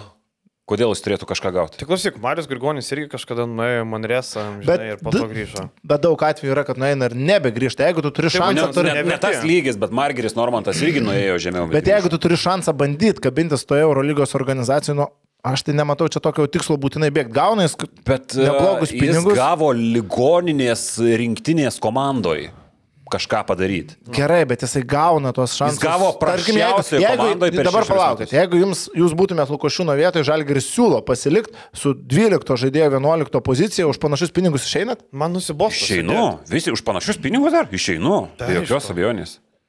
Išeinu. Aš noriu, broli. Ateis Nu, papildymas, nebūčiau tarkim, toks kažkokia trauma ir ieško klubas papildymo, e, susidaro žaidėjų perteklius, jau turi 13-14 žaidėjų, tarkim, sezono eigoje, tu iš vis krenti iš rotacijos. Būdamas 25-6 metų žaidėjas jau. Bet tu turi galimybę kabintis Eurolygoje.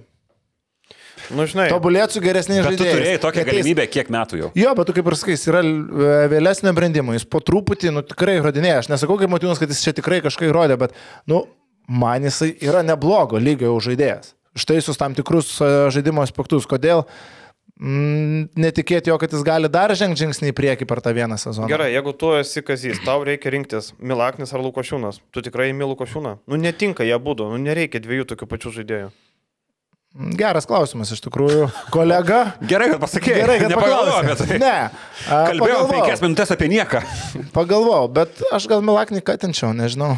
Bet tau reikia rezultato kitą sezoną. Suprantu, Taip. kad Milaknis paskutinį kartą žaidė. Bet žiūrėk, nu nėra viskas, kad vienas žaidėjas yra visiškai vietoj kito, tu visiškai kitaip Bet komplektuosi žaidėjų komandą. auginimui tu turi medžiagos iš kitų frontų jau. Jo. Nu, ta prasme, yra tu, ką, jau ten žaidėjai. Žalgiris turi tokio labai auginimo. Marekas, numeris vienas. A, Numeris du yra tie patys visokie kryvai.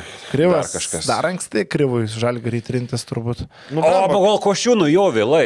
Čia ir yra skirtumas. Nu. Geriau anksti, Ne, ne aš, vėlai.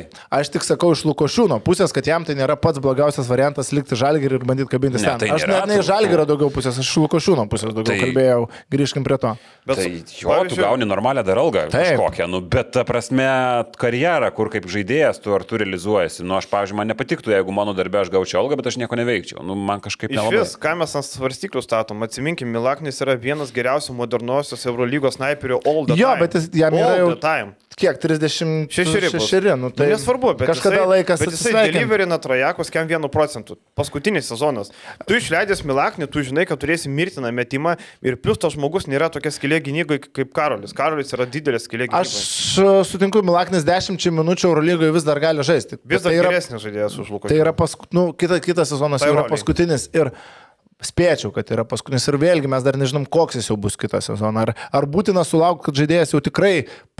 Tikrai sulauk, kad jis matys, jog jau nebegali žaisti. Ar mes garantuoti, kad Milaknis dar kitais metais galės žaisti? Jisai šiaip jo ištvermė gerai, jisai labai daug bėgioja, kad atsilaisvintų, bet vis tiek dar kvapą gaudo. Ir šį sezoną jis žaidė per daug, 20 minučių yra per daug. Aš dėl Milaknio pasilikimo šiaip esu ok, kad už, Nu. no. bet su gerokai mažesniu vaidmeniu šiemet po 20 minučių gaudavau. Aš ir tekste rašiau, kad nu, čia yra pagrindinė problema. Ne tai, kad Milaknis nebetitinka lygio kažkokio, bet kad gauna žaisti per daug.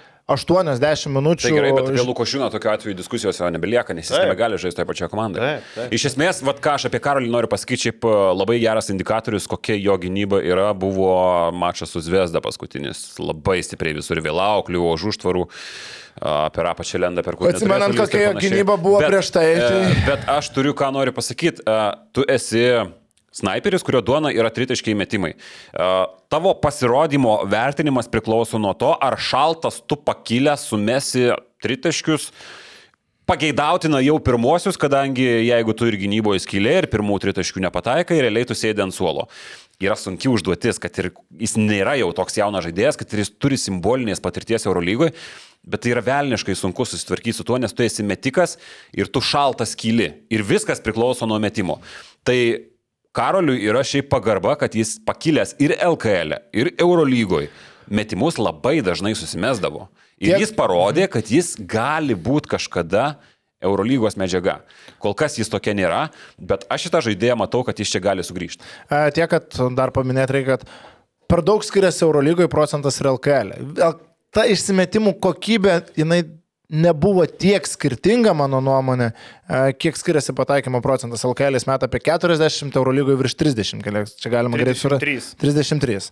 A, 33 procentai, sutikim, na, nėra kažkas jau labai tokio snaiperių, kai Milaknis visą karjerą išlaiko apie 40. LKL netgi 42,7. Tai va, 10 procentų skirtumas ir ar ta metimų kokybė jau labai stipriai skiriasi? Var, greičiausiai ne. Bet tai aš turbūt priminsiu, psichologija. kažkiek. Vėlgi, du turim Leidblumerius, Milaknis ir Lukošiūnas. Lygiai tokį patį kelią turėjo mm. Milaknis. Jis dar net e, vėliau atsiskleidė Milaknis. Jau Taip, taip, jis išėjo. Žalgirio į Prienus ir po Prienus Tai sugrįžo. Lukašiūnas berods. kitą Taip, taip. sezoną Jonavą. Ir Lukošiūnas, mano akim, dar dabar netgi rimčiau atrodo, nei kažkada Milaknis atrodė Žalgirį. Vėlgi, kiekvieno kelias yra skirtingas ir nu, čia negali pasakyti, kuriam kas pasiteisins geriau. Aš tik sakau, kad likimas Žalgirė, nu, jam iš jo pusės žiūrint irgi nėra kažkokia tragedija. Bet pasvirgauti kitą sezoną neblogai, ne? Gerai, ar turim dar kokią nors klaidą sezono? Tuoj pasižiūriu. Iš ankstesnių, bet čia išdiskutavom dėl Geoffrey Laverno pratesimo. Ar, ar čia didelė klaida, ar ne? ne ar pradėta, kad pradėtas komplektuoti klubas nuo vidurio polėjo, kai tuo metu dar galėjai bandyti kalbėti su Volkupu, tuo pačiu, su Mariumi Grigoniu galbūt. Jo, tai... Lavernas buvo pratestas praeito sezono vidury, berots. Tai su klaidom turbūt tiek, ne, daugiau nieko nesugalvosim. E, man dar labai gaila, kad iki šiol Žalgeris e, su niekuo nepratėsi kontraktų, su kuo reikėtų pratesti. Nu, kol kas labai tylu. Gal prieš finalus pakeliant, žinai, kažkokį e, ūpą ar taip toliau, žinai, tarkim, tas pats Lukas turi plus ar ne, e, ar bus ar nebus, kaip bus su kitais. E, Ulanovas irgi vienerių metų kontraktas, irgi jis turbūt turėtų būti komandai. Dar nepamirškime, Girdas Šukauskas turėtų atvykti, jo, jo nori Kazys. Ir manau, vietoj Gifajus e, įdomus variantas, pasižiūrėsim. E, šiaip Eigirdas ir Kamolį valdo ir pasigint gali tritaškį mes. Tai... Aš kažkaip. Aš tai audžinu, kad turiu Girdą Žukauską. Ne, aš tai nesitikiu daug, žiūrint kokį rolį. E, pigesnis Nilsas Gifajus, lietuvis.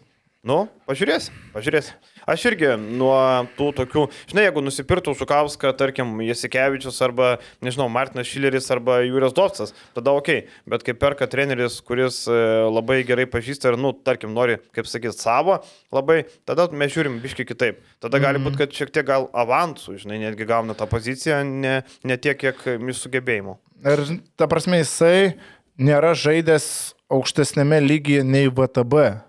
Niekada. FIBA Europos taurė ir VTB. VTB nu, aukščiau, aišku. VTB aukščiau negu Akivaizdu, taip, taip. Turi keturis klubus, su kuriuo žaidži prieš tai, na, mm, LKL, viskas.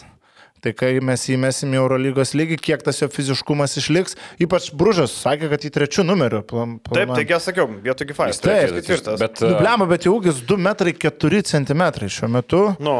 Uh, jo kojos yra gana, mano supratimu, per lėtos trečių numerių. Aš nematau jo trečių numerių. Jisai gerai valdo kamuolį, yra žaidės gynėjų. Bet gynyboje trečių numerių. Manau, kad sustovės, nematau problemus, nežinau. Prieš, Žalgiriui prieš su... Vladimiro Lučičių? Žalgiriui su dabartiniam problemom, vėlgi, Nežinau. Ulanovo trečioje pozicijoje jis iš esmės daug labai padengia, tai tas um, rotacijos trečiojo numerio vaidmuo uh, Nu, iš bėdos jis galėtų būti padengiamas iš, iš, iš, taip, ir tarkim apie Žukauską jau kalbant, iš, iš bėdos galėtų, bet, nu, nežinau, aš kažkaip dar atsargiai žiūriu, bet matysim. Jo. Jeigu tai būtų nelietuvis, mes griebtumėmės už galvos, reikia tai pripažinti. Ateina žaidėjas iš VTB, FIBA Europos taurė su 10 taškų statistika. Kokiu atbrosų CSK dabar prisipirko? Mhm. O kad, da, sorry, pertraukiau dar, kad Lietuvos rinktiniai daug kas sako, va, čia užlošė, bet vėlgi, užlošė prieš kokio lygio komandą. Prieš bulgarus. Taip, taip. Užmetė tenai. Jo, ir Šiaip, sakau, turbūt labiausiai e, kliūna tai, kad jį pasikviečia tas treneris, kuris e, gerai pažįsta ir čia toks, nu, reikia savo bent vieną paimžinai. E, čia turbūt dėl to. Bet pažiūrėsim, Eigertas geras vyras, e, reikia tikėtis, kad e, už Gifajų nebus blogiau. Bent jau Jono Mačiulio kritikos turbūt nesulauks, tai bent jau, bent jau tiek gerai, ne? Gerai, e, einam prie Eurolygos reguliaraus sezono tokio panagrinėjimo per skirtingas kategorijas. E, reguliariam sezonė lieka po vieną mačą, kažkam, e, jo, visiems du mačai lieka Feneriui, bet šiandien sužais liks vienas. Ir, kaip sakant, jau galima skaičiuoti tos viščiukus. Atkrintamųjų poras mes aptarsim kitą savaitę, tai prie jų neverta eiti, nors dabar jau plus minus aišku, kas su kuo maždaug žais. Gerai, mes sakėm, pradėsim nuo ko. Pradedam, davai. Davai, negražus žodis. Nagi, pradėkime nuo... Štai. Štai, nagi vagina. Pradėkime nuo... Nagi vagina. Nagi taip, vagina. Čia toks Štai žodžių, taip. žodžių žaidimas. Čia trys trumpi žodeliai. Štai tokių spalvų įnešėm į podcastą. e, keli variantai, e, ką paimtume žalgeriui, bet realius žaidėjus, ne? Vat labai įdomu. Aš, pavyzdžiui, iš Pantnaikoso paimčiau ne mane nedavičių žalgerį. Mm. Nemanau, kad už Veidą Baldviną. Šiaip Nedavičius kaip bičias nėra toks prastas, gal arogantiškas, bet charakteris toks pakankamai pakenčiamas, bent jau kiek esu girdėjęs feedbacko, tai yra e, draugiškas, e, geras komandų draugas, gal kartais ego per didelis. Ir šiaip su traumom šį sezoną neturėjo didelių problemų, galima pasakyti, turbūt traumus jiems turėjo. Turėjau su Nedovičiam labai didelį failą kažkada. Vienas nu, didžiausių nu. mano žurnalistiniai, gal net ir didžiausias, šiaip labai blogai jaučiausi. A, kažkada, kai dar dirbdavau pasketiniuose, nuėjau pakalbinti, nu, vaikščiodavau prieš kiekvienas praktiškai Eurolygos rungtynės, pakalbinti kažkokią tai garsų žaidėją arba ten žaidėją, kuris turi kažkokį tai kabliuką sąsąją su Lietuva. Tai buvo Nedovičius. Mhm. Atvažiavęs tuo metu su Unikaha, man atrodo. Jo. Ir pradedam pokalbį, viskas fainas bičias, taip toliau. Ir aš kažką, kažkaip suformulavau savo klausimą, kad jis paliko rytą tuo metu po pusės sezono. Ir sako, are you sure?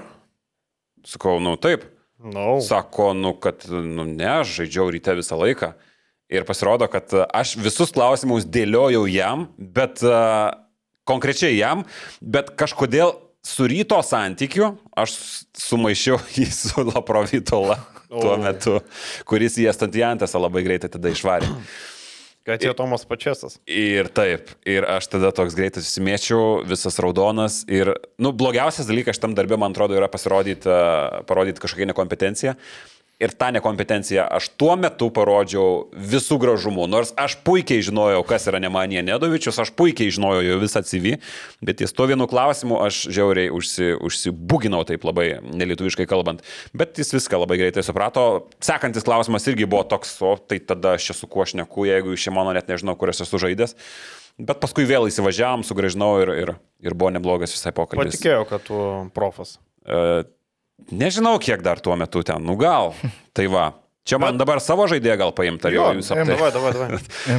Nigel Williams Goss, per brangus, aišku, bet tiktų. O, tai čia labai tiktų. Nu, čia stipriai gal. Gerai, tada paimu tokį, kuris gali neš diskusijos. Jeigu neturėtume metikų, nežiūriu, kas prie ko, Trojus Danielsas. Flopas Armanio komandai, kuris biški įsižaidė antrojo reguliariojo sezono pusėje, tik tu ar ne? Elitinis metikas šiaip. Bet čia irgi tas variantas, kad prie ko. Ne, variantas, tai jau dabar aš. Ne... Jo, jo, bet šiaip aš, aš už. Lygis tiktų, aš galvoju. Kad ir koks feilas jis pasirodė šį sezoną. Aš tai prieš labai nieko negali apart metimo, kamuolį prastai valdo, gynyboje prastas ir sužaidė vos kelis gerus mačius. Aš galvoju, kad jis sužaidė, jis nėra visiškai toks, kokį mes matom šį sezoną. Man Danielsas nelabai nepykit. Ne, aš Danielso nenorėčiau. Aš tada einu toliau, Markusas no. Naitas, iš e, Villarbanas vėl. Sezono eigoje prisijungęs, man keista buvo, kad jis dar prieš sezoną. Pagrindinio atakuojančių gynėjų? Vėlgi suskis. Tai žiūrim, žiūrim, taip, jo, okay. pagrindinio atakuojančio šalia gero PG, Markusas Naitas. Aš out. Ar tai daug prašiau negu mūsų uh, aptartas Homsley. Homsley. Homsley gali eiti į priekį ir gali po sezono. Aš būčiau už Homsley tokiu atveju. Jo, jo, jo. Markus Asnaitas, man atrodo, yra labai aiškus, kur jis yra Europos turės lygos žaidėjas. Euro lygoje Nu, jis nėra. Toks. Nublemba, bet turi neblogus skaičius dabar. Nu, kiek? 8 taškai. 8 taškai. Šalia Kobo ir Kriso Johnson. E, ilgą laiką. 30 Okobo, metai, bet tai... Bet tai pažiūrėk, kada grįžo Okobovo, būtent jo skaičiai ir krito 2, 4, 7 taškai. Bet mes kalbam, okei, okay, gal ne pagrindinį, mes kalbam apie 250 turbūt 3 tūkstančių žaidėją. Manau, bet kad su... pakankamas lygis gali duoti gana aiškus dalykus. Tvirtas, tvirtas kūnas, taip, okei, okay, gal ne pagrindinio, gali du panašaus, tarkime, šalia Homesley. Tarkim, atsarginio atakuojančių gynėjo man Dimšanė, aš Dimšanė įimu kuris turi kontraktą, tarp kitko. Mes nepakalbėjome apie Dimšanę, bet e, nežinau, man Naitas, nu taip, Naitas šiaip yra, jeigu kas nežino praeities, yra rezultatyviausias Vokietijos lygos sezono žaidėjas. Tai yra skoreris, tai nėra šiaip kresnas e, gynėjas, tai yra, nu, geras skoreris kažkokiam lygiui. Bet aš abejoju, kad jis Eurolygoje galėtų deliverinti. Gerai deliverinti. 8 taškai, tai Janis Relnikas 8 taškų žaidėjas, tai sorry. Turim? Nu, Antru. žinai, strėlininkas 8 taškų ždėjau. Nu, e, Blemba. Markas Anaito dar pliusas tas, kad jis daug dalykų. Jis turi tvirtą kūną, jis neblogas gynybai. Atsitverimas koks, tvirtos kojos. Nu, blemba, tu dabar pastatai šalia strėlininko. Nu, kamon, pagarbos. Nu, blemba, bet pala, pagal. O strėlininkas. O ką? Naitui, kad žaistų gerose komandose, neįmanoma. O strėlininkui šiai dienai įmanoma? Šiai dienai nebe. Na, bet, tai mes žinai, kalbame. Skiriasi amžius. Ką paimtume dar? Atsarginių rotacijos žaidėjų, nu bet čia atsarginių blemba tokį žaidėją, aš nežinau, nu, žodžiu, kažkurį komandą, Vailer Beb. Bo, vėliau ir Babą mm. paimčiau. Labai daug dalykų daro. Šiaip polime pridėjęs. Anksčiau jisai būdavo vien gynybinis, dabar polime nemažai pridėjęs. Aš paimčiau tikrai. Aš galvoju, manau, savo statusu nėra patenkintas ir jau turkai rašo, kad po sezono bus atsisveikinta. Elijah Bryantą įmų žalgerį pagrindinio tokuojančių gynėjų. Buvau pasiemęs ir Elijah Bryantą. Nu, taip, taip. Pagrindinio atakuojančių gynėjų. Labai, klausimas, kiek pinigų jis kaštuos. Blemba. Labai gerai, labai gerai vat, man, mes patronų dalis su Algiu kalbėjom, Algis labai gerai per visą karjerą perėjo, kiek jisai skirtingų vaidmenų yra turėjęs. Vienoje e, buvo, pavyzdžiui, Makabi buvo vien tik tai šuteris. E, dabar Anadolo yra toks gynybai.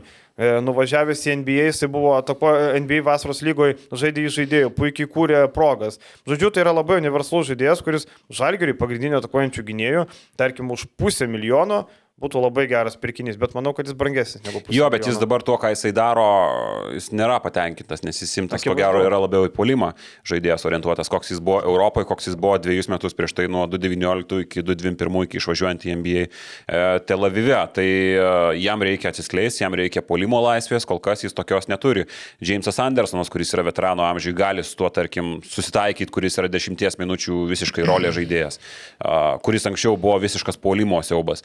E, Elijah Bryantas tikrai nėra toks. Tai va, aš Elijah Bryantą dar turėjau ir aš tada dar jau minėjau šio podcast'o įgoje Žaną Šarlis Liviu. Liviu Žan Šarlis. Liviu Žan, man vis maišasi, kur ten pavardė, kur vardas, bet... Bet imčiau. Olimpijakose jo vaidmuo visiškai menka. Šiaip iš Olimpijakos, o tą patį Šakilą Makisiką dar paimčiau, bet irgi čia a, klausimas, kiek Olimpijakosas norėtų paleisti, bet man Makisikas šiaip patinka. Tokio tipo žaidėjo Žalgeris nuo Tupano turbūt, nors irgi šiek tiek kitoks žaidėjas, bet bent šiek tiek atitikmuo nelabai turėjo, o e, Liviu, Žan-Šarlis Liviu. Liviu, Žan-Šarlis. Liviu, Žan-Šarlis. Blemba tikrai? Nu mhm. taip, Liviu Žan-Šarlis. Nu, okay. vardas Liviu, nu. Gerai. Klausyk, aš pasakysiu tokį nepopuliarų, bet man atrodo, jis labai realus ir gali būti miks, jeigu Žalgiriui nepavyks paimti labai gerą žaidėją. Neita Volterso sugrįžimas į Žalgirį, manau, yra labai realus, jeigu Žalgiris nenupirks aukščiausias lentynos žaidėjų. Nes iš tų žemesnėse komandose žaidžiančių įperkamų žaidėjų, Neitas Voltersas atitinka labai daug kriterijų, kurie reikalingi. Ir jisai dabar, tarkim, Zvezdoj yra, nu, alfa omega, viskas aplink jį, jisai kūrė visą žaidimą. Ką Jūs galvojat? Jis šiek tiek labiau atsiskleidė kaip kūrinti žaidėjas mm -hmm. Zvezdoje, nes uh, tas jo vaidmo žalgrį buvo prieš Aro, jis dėl to ir net tiek ir, nu, lipo, bet jis nebuvo kažkoks žaidėjas, kuris mąsty kitam sezonui žalgrio organizacijoje. Bet, uh, Taigi dabar... džiaugiasi visi, kad pardavė Makabį. Mm. Jo, jo, tai va tuo metu, nes jis, jis toks gynėjas labiau ant savęs. Ne tai, kad skoreris, bet jis labiau į save orientuotas.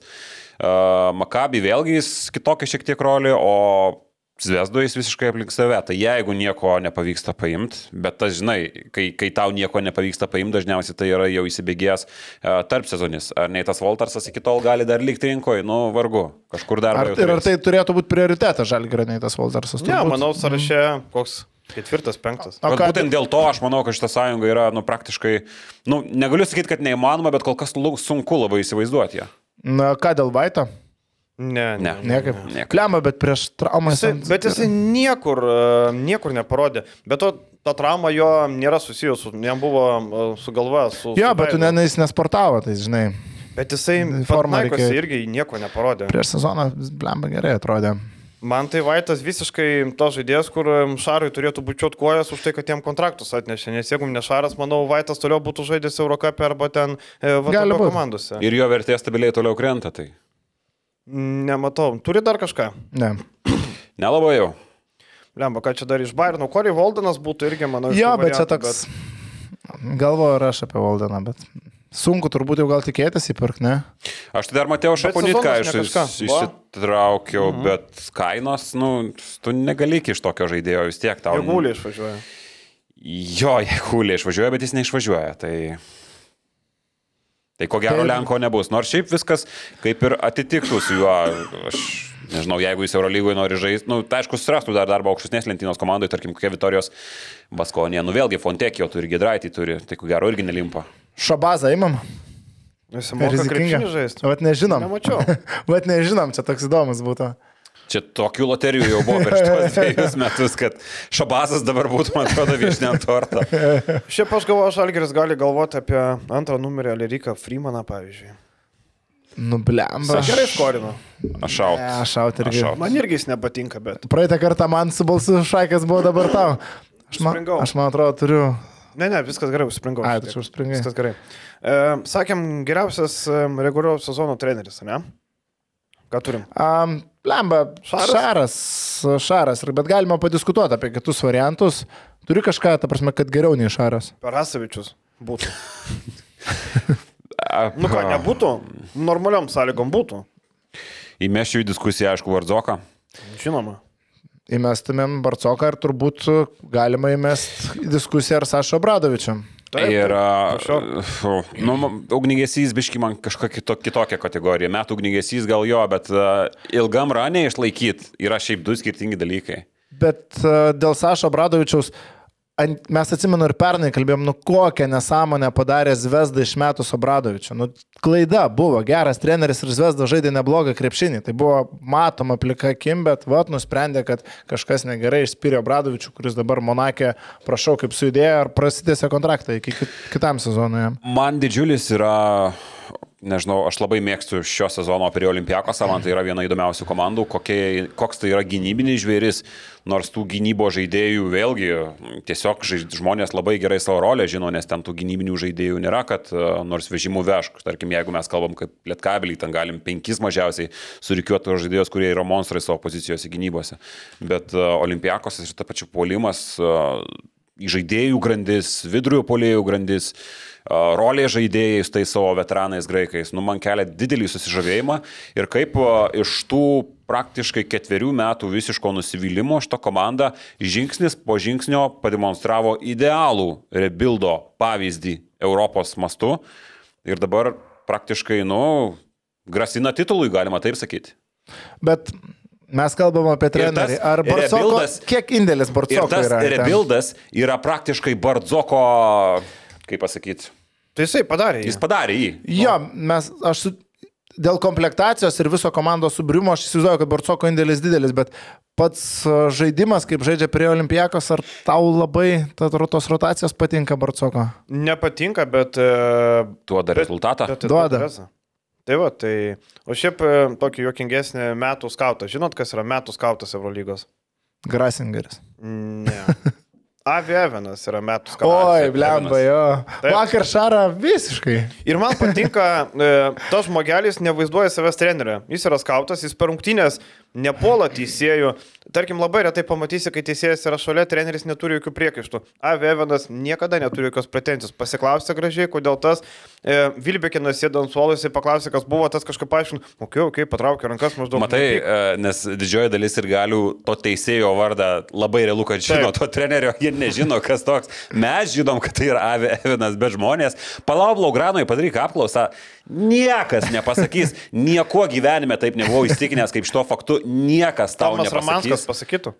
Abejoju stipriai, lygiai taip pat žinok. Lab, nieko prieš neturiu Ramanską. Bar, Barso žaidėjų paklaus, kas yra Makabi treneris. Ar, ar, 3-4 pasakytų.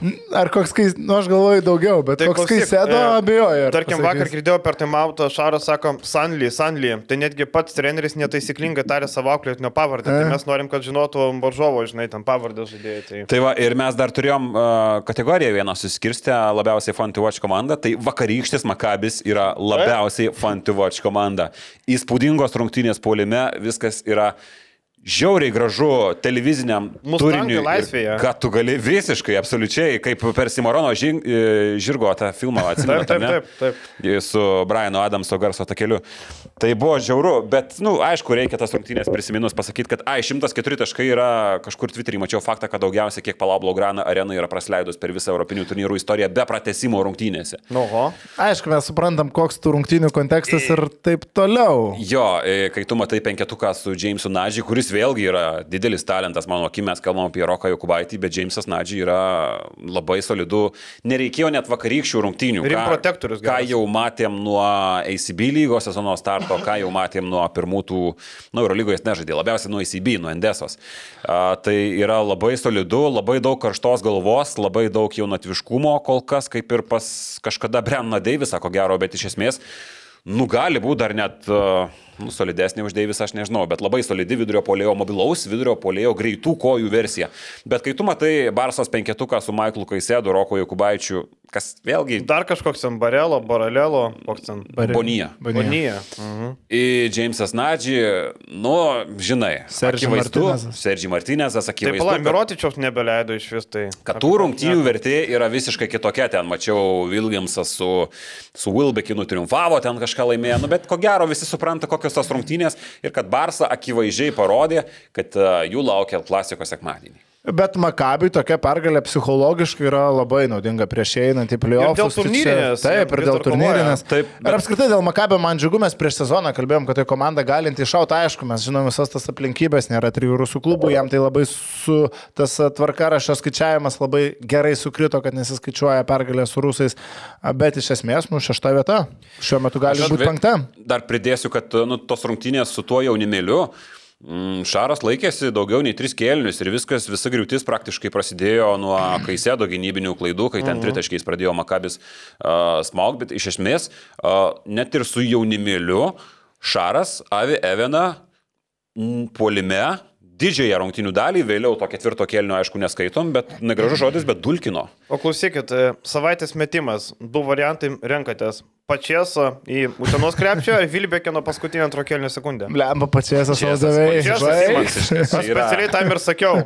Specialiai Tai yra visiškai no-braineris. Vilius buvo patenkintas, labai patiko. Taip, taip. Taip. E, rinkom geriausiai padirbėjusi trenerių, blogiausiai padirbėjęs, vienbalstė ne. Džordževičius. Jo. Taip, taip, taip. Nematau kito varianto, labai gaila, kad e, man Feneris labai patiko. Labai Čia ir gaila, kad- nusivylimas ir vis, visos Taip. neigiamos. Vis, visi neig, visos neigiamos Mhm. konotacijos eina e, Džordževičiui ir e, jo Feneriui. Hebrai Feneriui. E, manau, kad neteks darbo. Aš, e, mano šotas, kad neteks Su darbo. tokia sudėtim, su tokiu potencialu pasirodyti taip ir vėl galim kalbėti apie tą neparankų jiems skaičiavimą, bet tu turėjai visus šansus kabintis po to. Vėliau, po, po to fakto, tu Ir turi. po to fakto turėjai, ir prieš tą faktą tu turėjai būti ne ten, kur tu buvai, nes tavo sudėti yra Nando Dekolo, tavo sudėti yra Janas Veselį, Daišonas Pieras, Pierre Henry, Kilė Polonara, Devinas Bukeris, žaidėjai topinio lygio, apie ką mes kalbam. Taip. Ir e, mačiau, Twitter'į turkai rašo, kad e, Džordževičius, jeigu nutraus kontraktą, gaus apie milijoną kompensacijos, gal netgi šiek tiek daugiau. Atsiminkim, kad tai nebe pirmas kartas, kai Džordževičius nutraukinėjo kontraktus ir pasiemo kompensacijas. Turbūt žmogus galėtų vieni iš e, pašalpos gyventi. Čia toks pašalpinis treneris, galima taip pavadinti.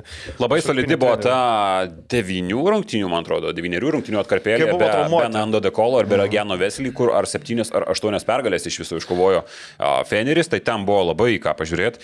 Bet panašu, kad buvo trumpalaikis efektas ir mes kaip kėlė klausimą, koks tas Feneris bus jau sugrįžusiai iš čekų ir prancūzų, nu jis buvo nekoks. Gerai, kas labiausiai buvo neįdomu žiūrėti? Zvezda negi? Turbūt jo. Turbūt Zvezda. Nu, aš prisipažinsiu, man pirmojo sezono daly dar Žalgiris. Asvelis buvo kažkiek įdomu, paskui, paskui jau Asvelis irgi pasidarė visiškai neįdomus klubas. A, Alba, nu, žiūri, bet, nu, irgi yra įdomių dalykų, ką ten žiūrėti, bet, nu, nereikia. Tarp kitko, įdomus faktas apie Asvelį. E, vienas skautas sakė, kad Asvelio komanda žaidžia nebrandžiausią taktišką Eurolygo krepšinį. Tai reiškia, Manas- turi prasčiausią trenerį. Jeigu dar mano žodžiai čia kažką lemia, tai man Asvelis pati neįdomiausia. Mhm. Uh -huh. Yra atskiri įdomų žaidėjai, tai yra Eli Okobo, tai yra Vambanijama dabar jau, kai jisai pradėjo žaisti kažkiek. Bet iš esmės rezultatų prasme sekti šitą komandą antrojo sezono pusėje nu, buvo, buvo skurdžiausia. Ir taktiškai vėlgi išprusimas šitos komandos yra pakankamai uh, silpnas. Berlyno Alba yra uraganinė komanda, išlaikius Aito Garcia Renesaso kažkokią tai idėją su Izraeliu Gonzalezu. Tai vien dėl to šitą komandą patinka stebėti. O iš esmės, uh, vad ko gero jo, Asvelis yra. Tarp kitko, da, pas mus kanete diskusiją turėjau ir net lažybą su vienu iš mūsų skaitytojų ir jis mane paskui ten tagindavo po kiekvienos Asvelio pergalės. Dabar tik nieko neatsimenu, bet aš žmogus spėjau žiūri mūsų podcastą, tai man noriu perduoti linkėjimus.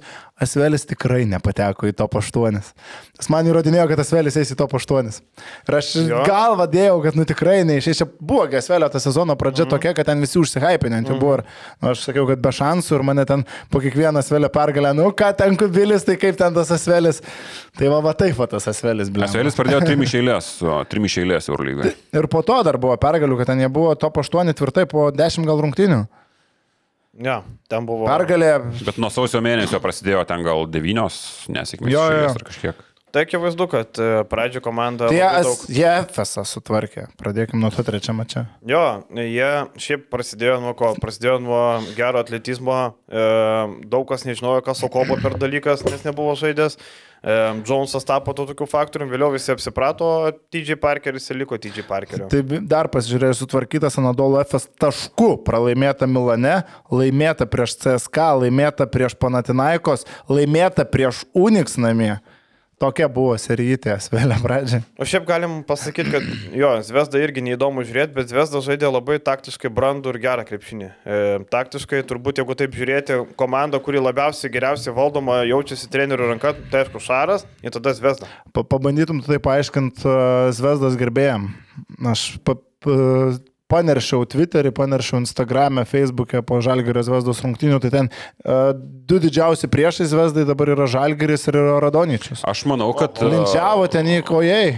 Aš manau, kad e, čia derbis kažkoks tai bus, bent jau artimiesiems dviem metams. Net aš ne manau, kažkoks. kad čia derbis turėtų būti. Net ne kažkoks čia. Žalgiris rytas nėra derbis, palyginant su to, kas bus dabar su Su Zvezda. lietuviškais numeriais į Belgradą geriau nevažiuoti finalinį ketvirtą. Mm, tikrai taip. aš Nebent Šiaip, nuoma tą mašiną. šiaip, šiaip, šiaip, kalb... Serbijoje. šiaip kalbant rimtai, kad tų metų Žalgirio kelionė į Belgradą turi atrodyti kaip Makabio ar bet kurio Izraelio klubo rinktinės kelionė į bet kurią kitą šalį. Tai turi būti su maksimalia apsauga. Šiaip visiškai į neperdedu pievas, visiškai. į pievas nueisiu, bet vakar išėjo buvę, buvusio belgų premjero pasisakymas Europos komitete kažkokiam lyg ir nu, labai emocingas. Europos taryboje, taip, -huh. labai emocingas buvo pasisakymas.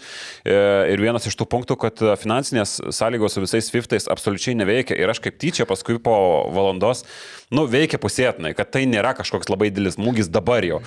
Ir aš paskui po valandos gal kaip tik užtaikiau ant Antono Pankrošovo, legendinio rusų žaidėjo intervo.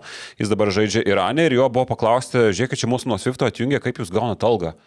Neturiu jokių, nežinau net, kodėl turėčiau tuo rūpintis, nes aš gaunu pinigus savo. Kodėl aš turėčiau jų negauti, sako, aš yra būdų, kaip aš gaunu juos, sako, kokios man bėdos.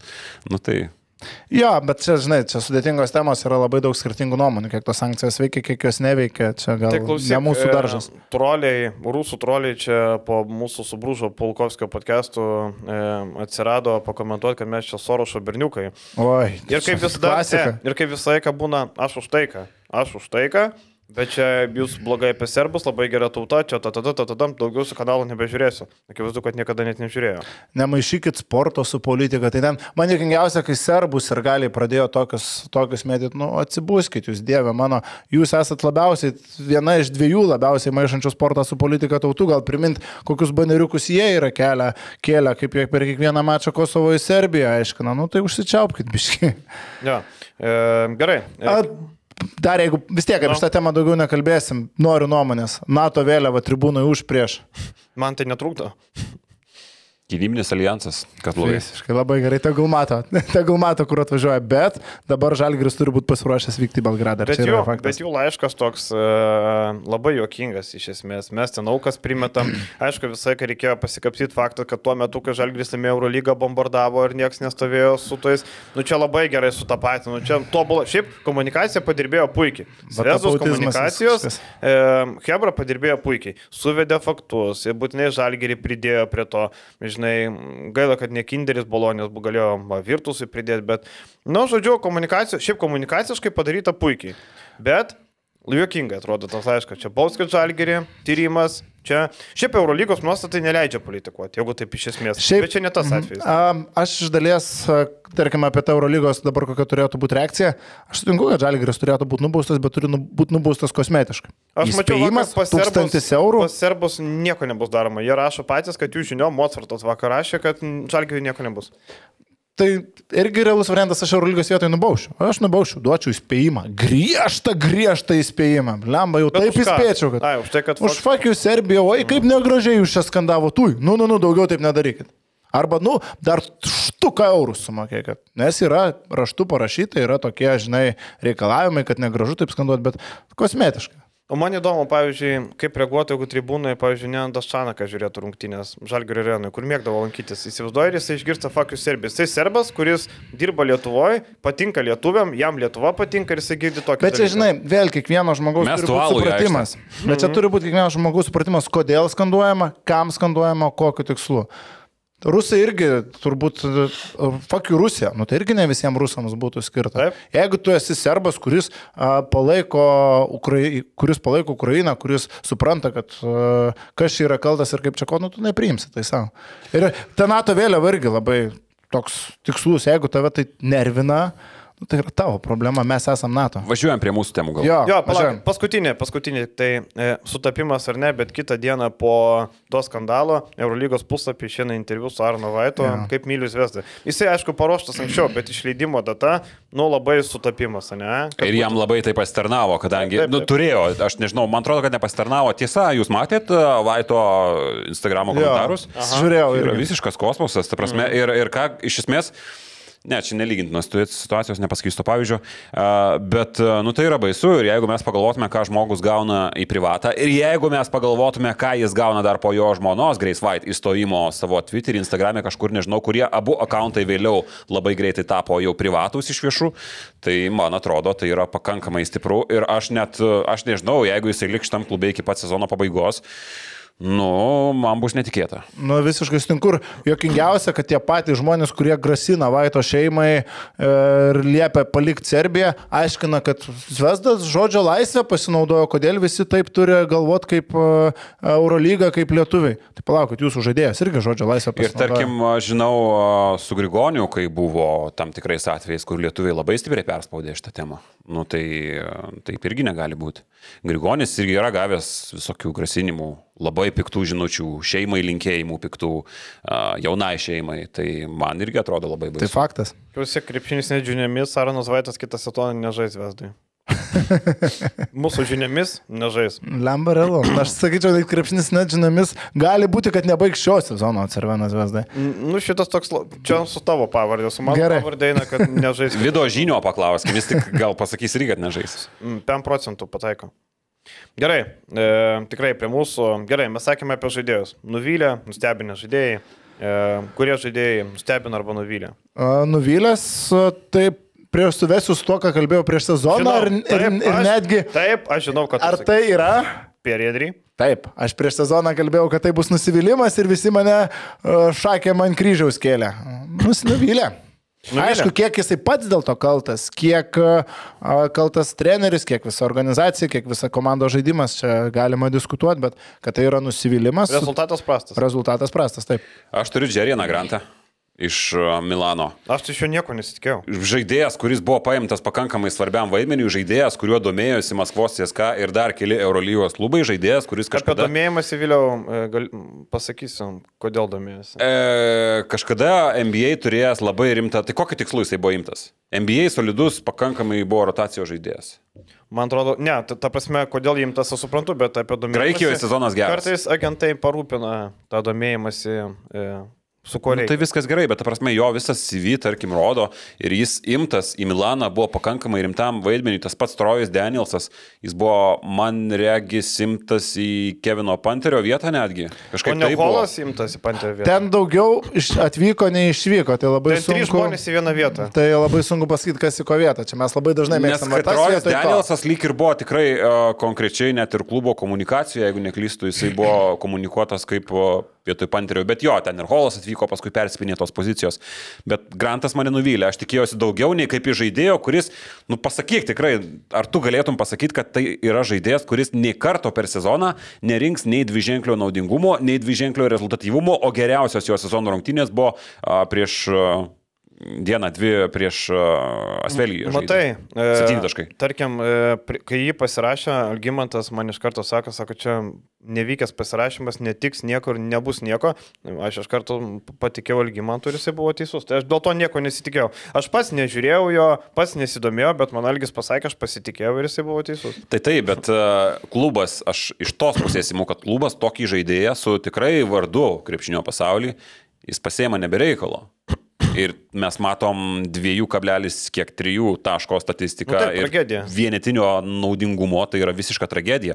Ir čia net nėra svarbu, ar tu tikėjai kažko ar ne. Žaidėjo vardas yra fantastinis. Tarkim, tie patys patrai įrodė, kad jis Europos aikštėje jisai gali gerai žaisti. 15 taškų rinko Graikijos lygoje. Dabar ką matom, tai... Tai gerai, toliau nuvylė labai nem... Gosas, aišku, čia žemai kabantis obolys, ne, čia net nėra ką diskutuoti. Ką turim dar įdomesnių gal? Gosą irgi turėjau, tai reikia turbūt paminėti ir Mūdijai.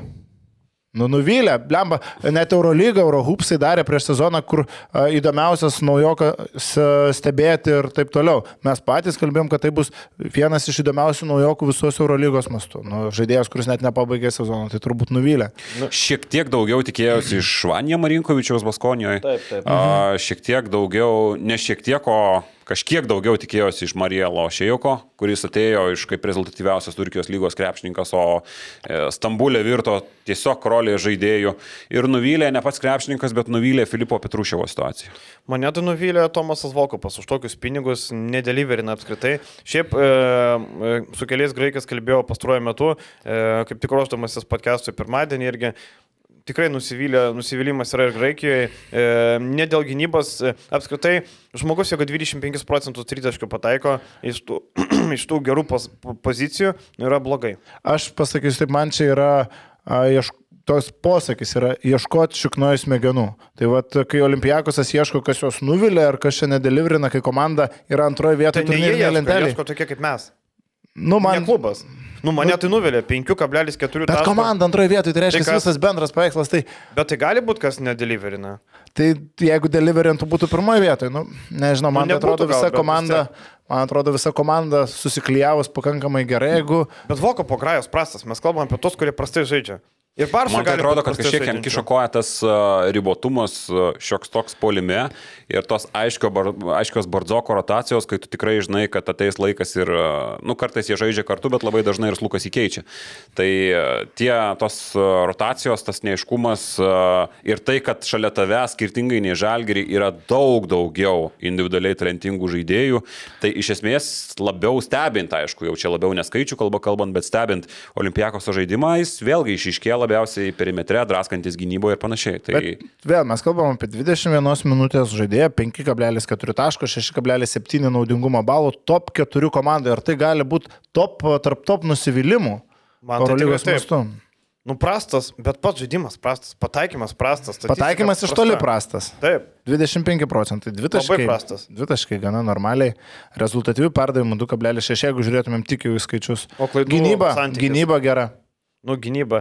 Tarkim, kodėl negali, pavyzdžiui, mane Deivisas nuvylė. aš nesakau, kad tai yra a, labai jau gerai šiuo metu žaidžiantis žaidėjas, bet aš jo nepriskričiu tiesiog prie top nusivylimų, nes komandos rezultatas yra Man geras, o jo man rolė tai gerai žaidžiančia komanda yra. Man tai pagal pinigus rezultatai yra top 2 nusivylimas po Nigel Goso, man jis eina antroji vietoje.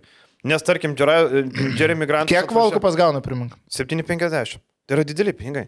Tarkim, Grantas atvažiavo ten už 3, už 3 pam, už 400. Tai tebūnė, lai šunį, žinai.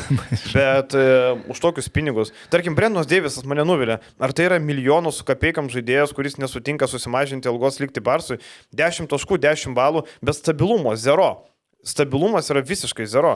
Ir man atrodo, jis turėtų, ir Šaras, nemanau, kad yra super patenkintas Brendon Deivisu. Bet prasitęst nori. Prasitęs nori. Ne, tai ok, nes e, yra labai Jis ne ribota. vieną mačą nulaužė šį sezoną. Ne vieną ir ne du, netgi tai pasakysiu. Aš nepamenu nei vieno, gal priminsi man. Ispanijos lygoje labai daug A. Ispanijos nežiūriu, ok, tai Ispanija taip. Gerai, keliaujam toliau, aš turiu dar vieną, kur žaid... irgi kiek tai yra pačio žaidėjo kaltė, kiek e, lūkesčių į Janis Papo Petru turėjo būti Taip, taip, taip. ryškus, ryškus komandos variklis, aplink kurį statomas žaidimas, bet Bet tai palauk, statistika gera. tai prieš šitą prasme, bet komanda tai žaidžia prastai, va čia va ir skirtumas. Nu, tai gerai. Tai statistika, pagal Tomaso kainas- Volkupo tai nėra a, įspūdinga statistika. Taip. Ne, yra padori. Jis nevertas e, 750, kiek jam moka Pantnaikasas. Nevertas Papa Petro. Jis yra, čia galima palyginti Žalgirio atveju, jeigu Žalgiris e, atiduotų O brangiausią. Petrau ne milijoninis žaidėjas kartais? Nežinau, ten likti 800 tūkstančių. Milijonų liktai, ne? Nu bent jau kiek aš. Kad jis buvo imtas, informacijos. buvo imtas į Zenitą ir jam pasiūlė gerokai didesnius pinigus, nei jis buvo vertas, aš supratau, kad jis milijoninis žaidėjas yra. Ar ne? Nu, liktai. Kad jam labai stipriai permokama yra Pavo jau komandai. Gazeta rašė, kad 750, Nu, okei. 800. Aš nežinau. Bet kokiu atveju tai yra daug ir, ta prasme, komanda pagrindi, kaip komandos pagrindinis žaidėjas už 800-705 tūkstančius duoda per mažai. Tai labai e, tas pats kaip Ulanovas būtų žalgerį brangiausias žaidėjas ir e, įmi kaip lyderė, ne, bet aplink jį nusi, nusipirki pigesnius, ten Meikonus, ten e, visokius e, Jovičius ir Meikonas visai įdomus žaidėjas. Ne, Meikonas ok, e, bet ten visokie Jovičiai mm. arba Kedrikai Peri, kur išvažiuoja greitai, ne. Jovičius, tarp kitko, vėl atvažiavo, porą mačų sulūžo vėl. Nebėra Jovičiaus. Tai, tai gali žalgeris, žalgeris sakys mėgsta. Jo, jo, jo. Jovičius atvažiavo sužaisti berots. E, Du mačius Eurolygai sužaidė. Keturis. Keturis jos, ar. Tra tragedija. Vėl sulūžo Jovičius, tai nieko gero. Gerai, kas nustebino? Mane labai nustebino Kinanas Evansas. Mane nustebino. E, pradžiai labai sunkiai Bet vėliau, tarkim, jeigu reiktų rinktis ar Nybau ar Evansas, aš Evansų atiduočiau metų naujoko titulą, ne Nybau. Vien dėl to, kad Nybau žaidė paskutinį komandėlį, o Kinanas Evansas daro skirtumą komandų, kur yra top 5, top 6. Tai man Evansas paliko didesnį įspūdį už e, Nybau pagal, nu taip, Nybau efektingiau gal atrodė, bet Evansas pagal įtaką žaidimui man labiau patiko. Aš šiek tiek kitaip pasižiūrėjau iš tą klausimą, aš tiesiog pasižymėjau, kad labiausiai nustebino tai, kad Makabi atsitėsi, kai atleido Sviropolą. Čia mane labiausiai nustebino. Jo, čia apie skautą jau kalbėjome, žaidėjų dabar taip greitai mąstau, tai Alfa Dialą aš tokių gerąją prasme nustebinu. Aš nesakau, kad, buvo, kad nebuvo ir lūkesčiai, kad buvo mažiem lūkesčiai, bet tai kaip jisai žaidžia, ką jisai gali duoti, pasikėlė vertę tikrai labai stipriai. Tai turbūt ir nustebino. Aš kažkaip galvoju, kad Kriso Džonso lubos yra tai, ką jisai parodė praeitą sezoną Makabi. Aš netikėjau, kad jis toks gali būti pirmo ryškumo žaidėjas Asveliai. Nepaisant to, kad Asvelis yra nieko nekeičianti Eurolygos komanda, bet kad toks ryškus šitoje komandoje būsis, aš netikėjau, kad taip stipriai pasikel savo vertę. Aš netikėjau 15 naudingumo balo vidurkis, tai yra tarp 20 naudingiausių visos Eurolygos žaidėjų. 13, 13 taškų rezultatyvumas, ką padarė jisai Kaune, nu buvo puikiai indikacija. Čia man atrodo šiek tiek nuvalkiotas variantas Krisas Džonsas, nes mes savo podcastuose jį labai daug kartų minėjom, bet, nu, aš negaliu čia jo nepaminėti. Jo, nu ką, pabandom pabaigai e, MVP. Kas turėtų būti MVP? Mirotičio atiduos. Atiduos tai Mirotičio, aišku, nėra kito tokio užtikrinto varianto, kam duoti. Vezenkovas, nu ne, irgi ne. Tavarišas. Tavarišas. Miro, čia yra vienareikšmiškai reguliaraus sezono nugalėtojai. Skaičių kalba tai yra numeris vienas Eurolygos krepšininkas, nu nėra kam daugiau. Taip, tai liekam ties Mirotičium ir tiesiog bus labai įdomu pasižiūrėti, ar Miro subirė šį kartą per lemiamas kovas, ar pagaliau susitvarkė. Ar nėra Vilo Tomaso, tai kaip ir viskas gerai. Bet yra kitas Tomasas. Yra Dešaunas. Pažiūrėsim. Labai solidus. Bet šiaip, Rubitas, Rubitas tai neturi šansų prieš Mirotičių. Dar specialiai šiandien pasižiūrėjau, kaip Rubitui sekėsi prieš Mirotičių žaisti iki tol. Tai nieko nepadarė tokio, dėl ko galėtų bijoti Miro. Um, Jeigu trinkėrio bairiai vėl bus uh, visokie šauksmai ir panašiai kaip pernai playoffų serijoje, tai Šaras sureaguos garsiau, ko gero, nei Mesina, nes Mesina yra toks uh, inteligencijos visiškas simbolis, nu, Šaras jau yra Kauno simbolis. Gerąją to žodžio prasme, neįsižeis tavo atvidai, aišku. Įsižeidžiu, baisiai, žinau. ir, ir, ir jisai atsakys, tai laukia įdomi šiaip serija turėtų. Nu, bent jau emociškai. Aš laukiu tokios. Įdomu bus trinkėri prieš Esikevičių, bet aš, nu, aišku, Barnas. Kitą savaitę. Jo, kitą savaitę šnekėsim. Stojam. Jo, e, geriausiai besiginantis Džoną Brauną turbūt nieks, nieko nesugalvojo. O tai čia palauk, galima kitko, skaityti žaidėjus, kurie iškrito. Tarp kitko, kodėl neaišku, galima. Jokauju. Tarp kitko, Bogočiovas sakė, kad teismą paduoda Brauną. Nu taip. Nu, Prašau. nes jisai kad... Pavogtų kamolių per daug pavogė. Tarp kitko, jo buvo, aš net uh, kartais įsirašau tokius įdomesnius dalykus, ką kažkur pamatau. Tai jam FIBA raštą išdavė, kad jisai gali važiuoti į Australiją, viskas tvarkoja, bet sako, iš mūsų tai pinigus pasėmė, o kas gražins, turi gražinti. Mes jo nepaleidžiam. Bet jis neišvažiavo į Australiją, jis dabar domino, mačiau, Italijos klubo. A, jis taip ir neišvažiavo. Ne, ne, ne. ne. Bet žodžiu, Bogočiovas, uh, Bogočiovas nori į teismą paduoti. No. Lorenzo irgi išvyko, jeigu neklystu. Jo, šiaip tai daug susiprotėjusių. Taip, po biški, po biški palieka faktas. E, tai gerai, tai Džonas Braunas turbūt e, jo, fantastiškas. Net, net nėra. Kito net lygio gynyba. Tai... A, ir dar vat, pridėsiu, kad uh, sakė, kad kažkuris vienas iš tų išvykusių legionierių turi grįžti. Ir tik, tikėsi, kad pavyks susigražinti tą žaidį. Man atrodo, tas italas norėjo grįžti. Spisų? Mhm. Jo. E, pisų. Spisų tam. Ne, ne, ne pats geriausias vaikinas, kuris galėtų sugrįžti ir kurio norėtųsi, bet Taip, nu, bet okei, okay, nu ką. reikia daryt? pasveikinti ir jį.